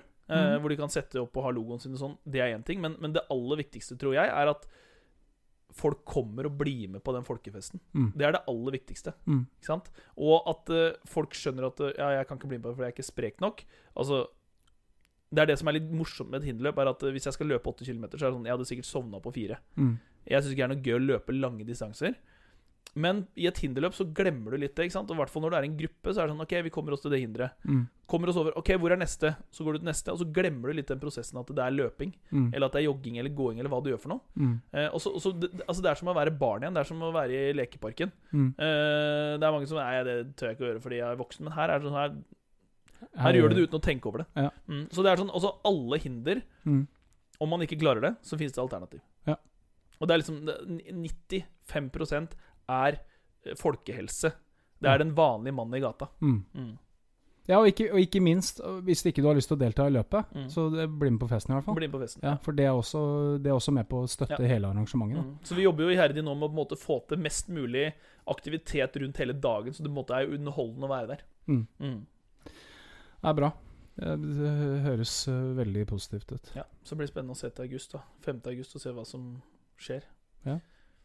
Og de, han Er det Christian han het? Kristian Erlandsen. Ja. Ja. Han begynner nå. Han begynner eh, Ja. i midten av april. Da Straks. er han i bånn gass, og da er det vel eh, Da er det patroner og vester, og det bare Ja, da det- må jeg vel heller holde han mer igjen. eh, For han blir, når han først setter i gang, så blir han ivrig. Ja. Men han, er, han har, eh, han har en, eh, liksom, en stor eh, respekt hos de menneskene som er i Navrace, også de som jobber. Ja. Og alle sier liksom når du er med Christian, så har han, han er rolig beherska, han er flink til å dele ut oppgaver og har liksom kontroll hele tiden. Mm. Mens de sier om meg, så er jeg liksom han som flyr rundt og skal liksom løse absolutt alt. Og det er liksom de siste 14 dagene før Navrace, så er det den telefonen, og da det ringer det sikkert flere telefoner enn det gjør til Erna Solberg i løpet av en dag. Ja. Det, det ringer og det ringer og det ringer og det ringer. og det ringer eh, Altså det, det er non stop, så jeg har jo ikke sjans til å gjøre alle de oppgavene. For jeg må jo møte folk, og så må jeg ta imot, og så må jeg bort til de, og så må jeg sørge for at de begynner med det. ikke sant? Så det er en, en sinnssyk logistikk. Ja, ja. Eh, og det som var så merkelig altså fra året før, da, når vi hadde det i 2019 Da var det liksom sånn Jeg, jeg sto eh, dro hjem klokka tre på natta. Var der nede klokka fire, henta jeg Lasse. Da var det han og jeg Lasse var ute i bokseren, og jeg la ut bøyer, fordi det blåste som faen, ikke sant? Så vi kunne ikke sette ut ting. Eh, og da var det liksom fem minutter før start, så fløy liksom eh, Christian og Patrick og Lasse og, og kasta opp sperrebånd for å få det her opp igjen. Eh, det var bare stress. Mm. Men deltakerne merker jo ikke det her. Nei, nei. Men i år så var det sånn, så, så, sånn cirka tre kvarter, en time ut i løpet, og så står jeg ved siden av Christian på ATV-en, og så sier jeg liksom Jeg, jeg har fått to telefoner, jeg. Det må være noe gærent. Mm. Det har ringt to telefoner siden start. Mm. Han sier ja, jeg har bare fått tre. Da sier jeg, men Det er noe gærent. Det er noe som ikke stemmer. Det her går for bra. Mm. Og så får vi på samme Nei, folk står og spiser. Hva sier du? Folk står og spiser nå? Og så kjører vi bort der, der. Da står jo alle disse som har hovedansvaret for alle disse forskjellige tinga. De står der og spiser og drikker brus og koser seg. Ja? Ja, alle er i gang. Så, så alt gikk bare helt på skinner. Åh, deilig. Ja, det var deilig. Det var sånn fra på en måte Og det med opprigg og nedrigg òg, ikke sant. En helt annen verden i forhold til Altså fra første året med Beater, så, så mye styr med å få ting opp og få ting ned. Det er sånn du, Mens du holder på, så er det sånn Faen, hvorfor gjør jeg det her? Mm. egentlig. Men når dagen kommer, og du ser hvor mye glede? Folk kommer løpende i mål. Ikke sant? Jeg hadde aldri trodd at de skulle klart et triatlon eller et hinderløp noen gang. Kommer i mål og gråter. Og liksom, det er liksom, de, de skulle nesten tro de hadde vunnet Vasaloppet. ikke sant? Mm. Eh, og det er så mye følelser, og du, du bare står der og bare sånn Faen, det er så jævlig verdt det. Mm. Det er dritgøy. Ja, det er, det er rørende å høre. Mm. Det er eh, Ja, det er, det er kjempebra. Mm. Og, og um, kjempebra at vi har noen sånne krefter eh, som faktisk klarer å få til noe Ja, altså som faktisk klarer å få, få til noe i Horten. Det er jo Mm. egentlig tull. Vi har jo alle Mm. muligheter her. Ja, ja. Vi må bare tørre å satse. Mm. Uh, men uh, ja, det er helt sinnssykt bra. Mm. Vet du hva, nå har vi holdt på i to timer og ni minutter. Ja. Ehm, jeg hadde egentlig tenkt å stille deg noen flere spørsmål. ja, men fyr løs. Er føler du Ja, det er greit? Ja, ja. Nå er middagen kald, altså. ja, ja Manchester United spiller snart. ja, jeg vet det, men vi har mikrobølge nå, ikke det? Ok. Jeg har Ja. Hva er det du kunne tenke deg Oi, oi, vær så snill, ikke si at flere folk skal begynne å trene nå. Nei, nei. Nå må du finne på noe annet. Ja, ja, ja, ja, ja. Hvis det er én ting du kunne endra med Horten, Mm. hva ville du endra?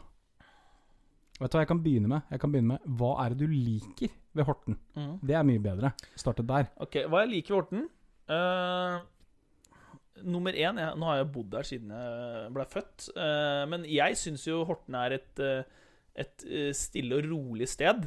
Uh, og det er jo kanskje utfordringa. At det kanskje er litt for stille. Mm. Uh, For din smak? Nei, altså, altså Sånn som jeg kunne aldri tenke meg å bo i Oslo.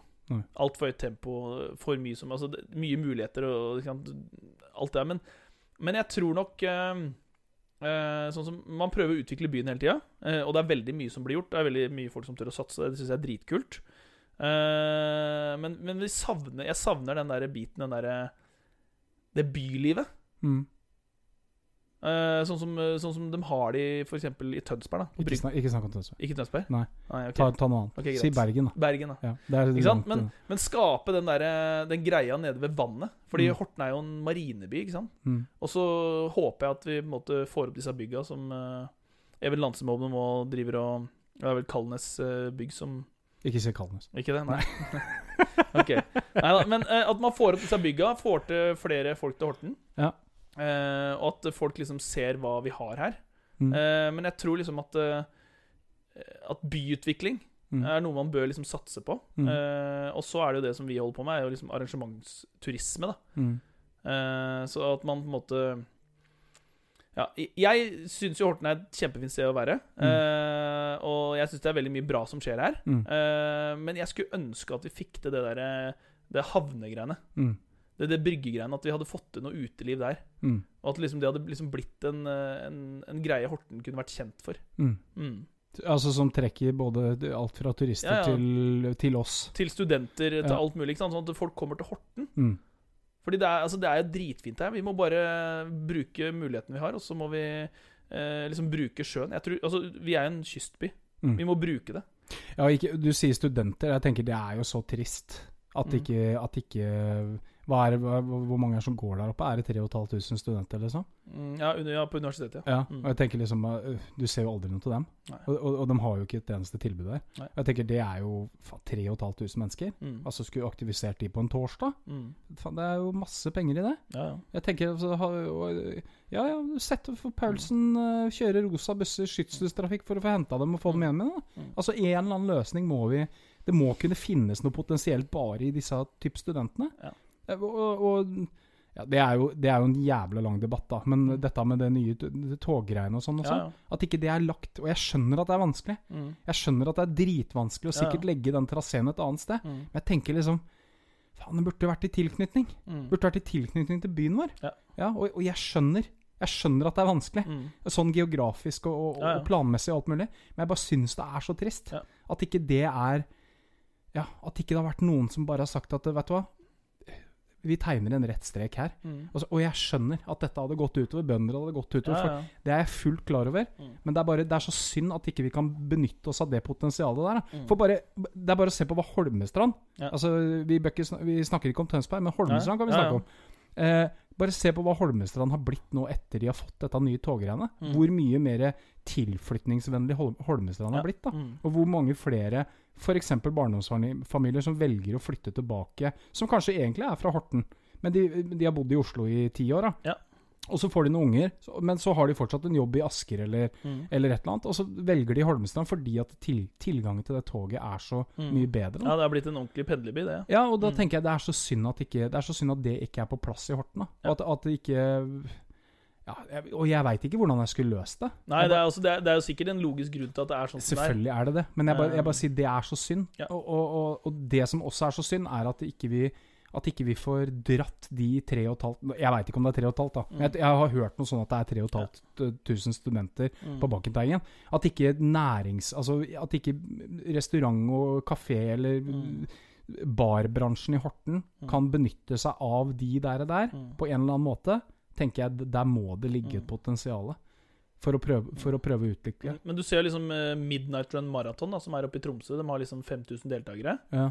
Eh, de har gjort det til et event. Ja. Uh, der er det liksom folk fra hele verden som kommer. Ja. Uh, de tilfører Tromsø kommune bare den helgen 75 millioner kroner. Ikke sant? Ikke sant? Så det er liksom det man kaller da som er arrangementsturisme. Ja. Ikke sant? De, de sørger for at Tromsø kommune lever godt på de 75 millionene som, ikke sant? i forhold til reise, i forhold til taxi, mat, bo, ikke sant? alt det der. Mm. Så det er sinnssykt mye penger. Eh, og så syns jeg på en måte Altså Horten har jo fått liksom litt, eh, syns jeg, ufortjente stempelet, fordi Kult at Bob Marley har vært i Horten, men eh, Horten for mange eh, som ikke er fra Horten, er liksom Horten er, ja, Hasjbyen Horten. Det er liksom det man hører. Eh, og det syns jeg er litt sånn trist. Røyker folk hasj lenger? Jeg vet ikke. Jeg tror de har kutta ut det. Ja. De har gått over på noe annet, tror jeg. Ja, ja. Det tror jeg.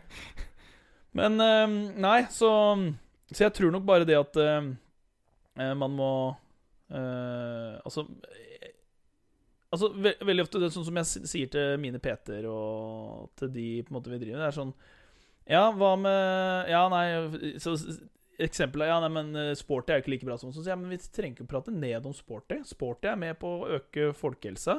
Eh, ja, men den eh, ene PT-en på eh, EVO i Sandefjord er så jævlig ræva. Så sier jeg, men har du vært og hatt PT-time med den uh, PT-en? Mm. Uh, har du snakka med den? Nei, jeg har bare hørt det. Så sier jeg, men du kan jo ikke fly rundt og uh, komme med påstander som, når du ikke vet det selv. Og det er sånn jeg sier, eh, ingen får lov til å snakke dritt om noen andre i bransjen, ikke sant? Mm. Jeg setter veldig pris på at Crossfit Horten er i Horten. Mm. Eh, sporty. Eh, EVO. Mm. Ja, feel good. Mm. Ja, eh, ikke sant? Du har alle disse, og, det, og Aktiv i Horten, for eksempel. Eh, alle disse her eh, de, de sørger jo for at folk holder seg i bevegelse. Mm. Eh, og, og det er dritbra. Mm. Hvordan de driver butikken sin, det, det skal ikke jeg blande meg opp i. Eh, og alle gjør det av hensikt fordi de ønsker å øke folkehelsa, Mm. eh, og vil se at folk eh, har det bra. Mm. Så, så jeg tror det er veldig viktig sånn med de andre bransjene i Horten også, i forhold til uteliv eller arrangementer og sånne ting, er at man jobber sammen om å på en måte samarbeide. Mm. I forhold til om det er frivillig, om det er utstyr, eller om det er på en måte noe gjenytelse av noe greier. Men at man på en måte kan uh, gi hverandre tips og triks i forhold til hva er det man bør tenke på. Har du noen avtaler, ja, da kan du få de av oss, osv. Så, videre. Mm. så jeg tror vi må vi vi som arrangerer ting i Horten, må nok samarbeide enda mer. Jeg vet jo at det er flere sånne komiteer, og det er kanskje, jeg har kanskje ikke vært flink nok til å være med i det. Eh, så der må jeg ta meg sjøl i armen, for å si det sånn. Mm. Ok, men eh, ja. ja. eh, Da har vi egentlig, vi har egentlig vært både på hva du liker med Horten, Mm. og, og hva du tenker Horten kan endre seg på. Mm. Ehm, jeg, har, jeg tenker jo om Horten at Horten er jo egentlig akkurat det du lager etter sjøl. Ja, ja, selvfølgelig. Ja, og, og, og det gjelder hverdagslivet òg. Horten Mm. er akkurat det du lager Ja, etter ja. sjøl. Her har du mulighetene til alt. Mm. eh, stort sett. Mm. De fleste mulighetene har du i Horten. Mm.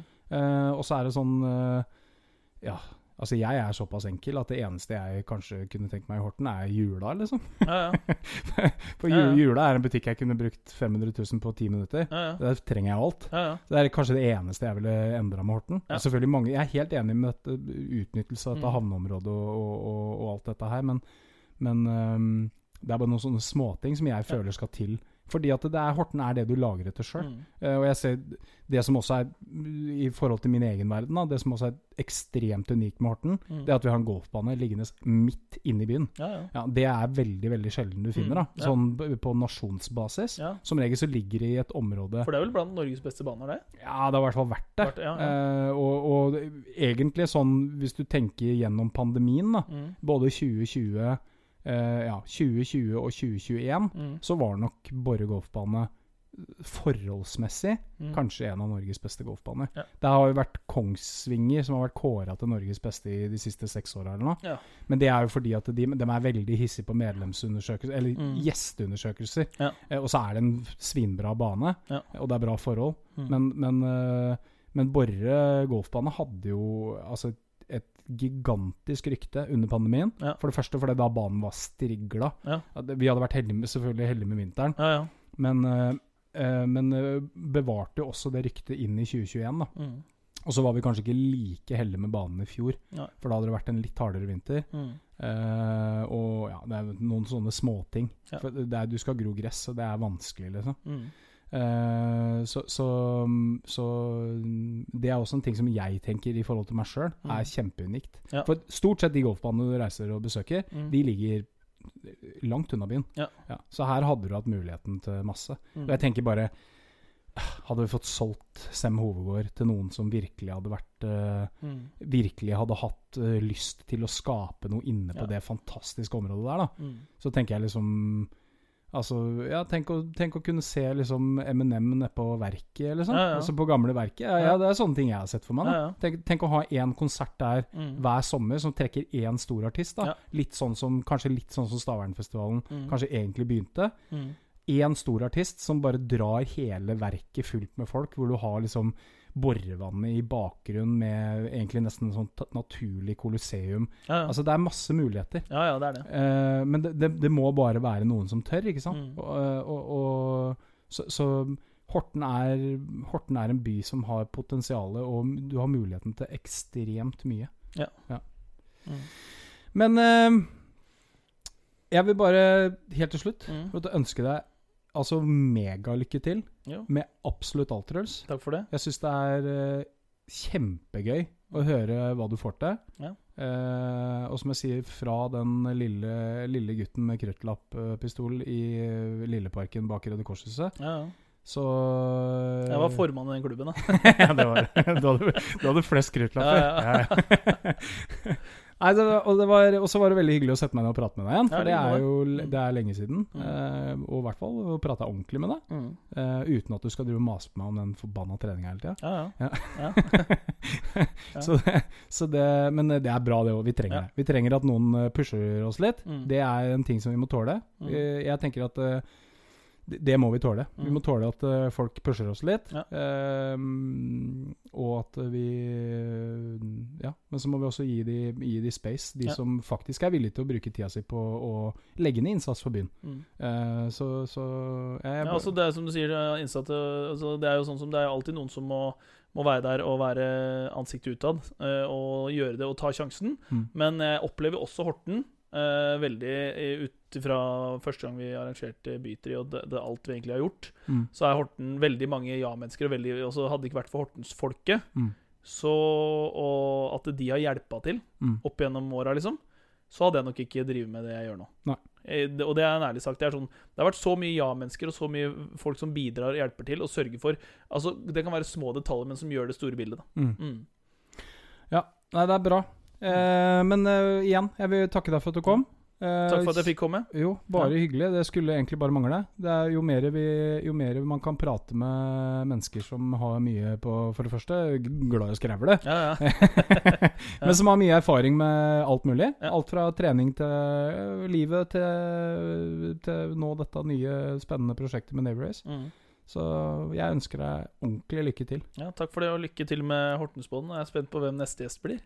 Det- vet du, jeg har noen på trappene. Ja, det var det? Uh, denne her slippes jo Vi slipper jo Jeg, jeg veit ikke om jeg har tid Nei. til å slippe én i uka. Men, uh, men jeg tenkte jeg skulle slippe den her Ja, det blir jo da fredag, da. Ja. Uh, altså, i dag er vi jo på søndag. Ja. Så jeg tenkte jeg skulle slippe den til fredag igjen. Mm. Så, så får vi se. Ja. Det, dette er bare fordi at jeg interesserer meg for folk. Og så tenker jeg at hvis man kan bidra eh, litt til å løfte fram noen folk fra Horten, Mm. eh, hvor de kan få lov til å prate litt om seg sjøl, og, og prøve å ikke la dette bli en podkast som handler om meg Ja, ja.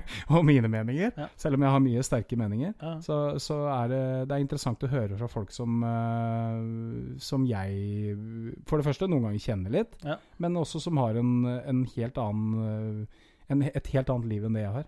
Ja. Så kjør på. ja, det skal Mm. jeg gjøre. Takk. Takk selv.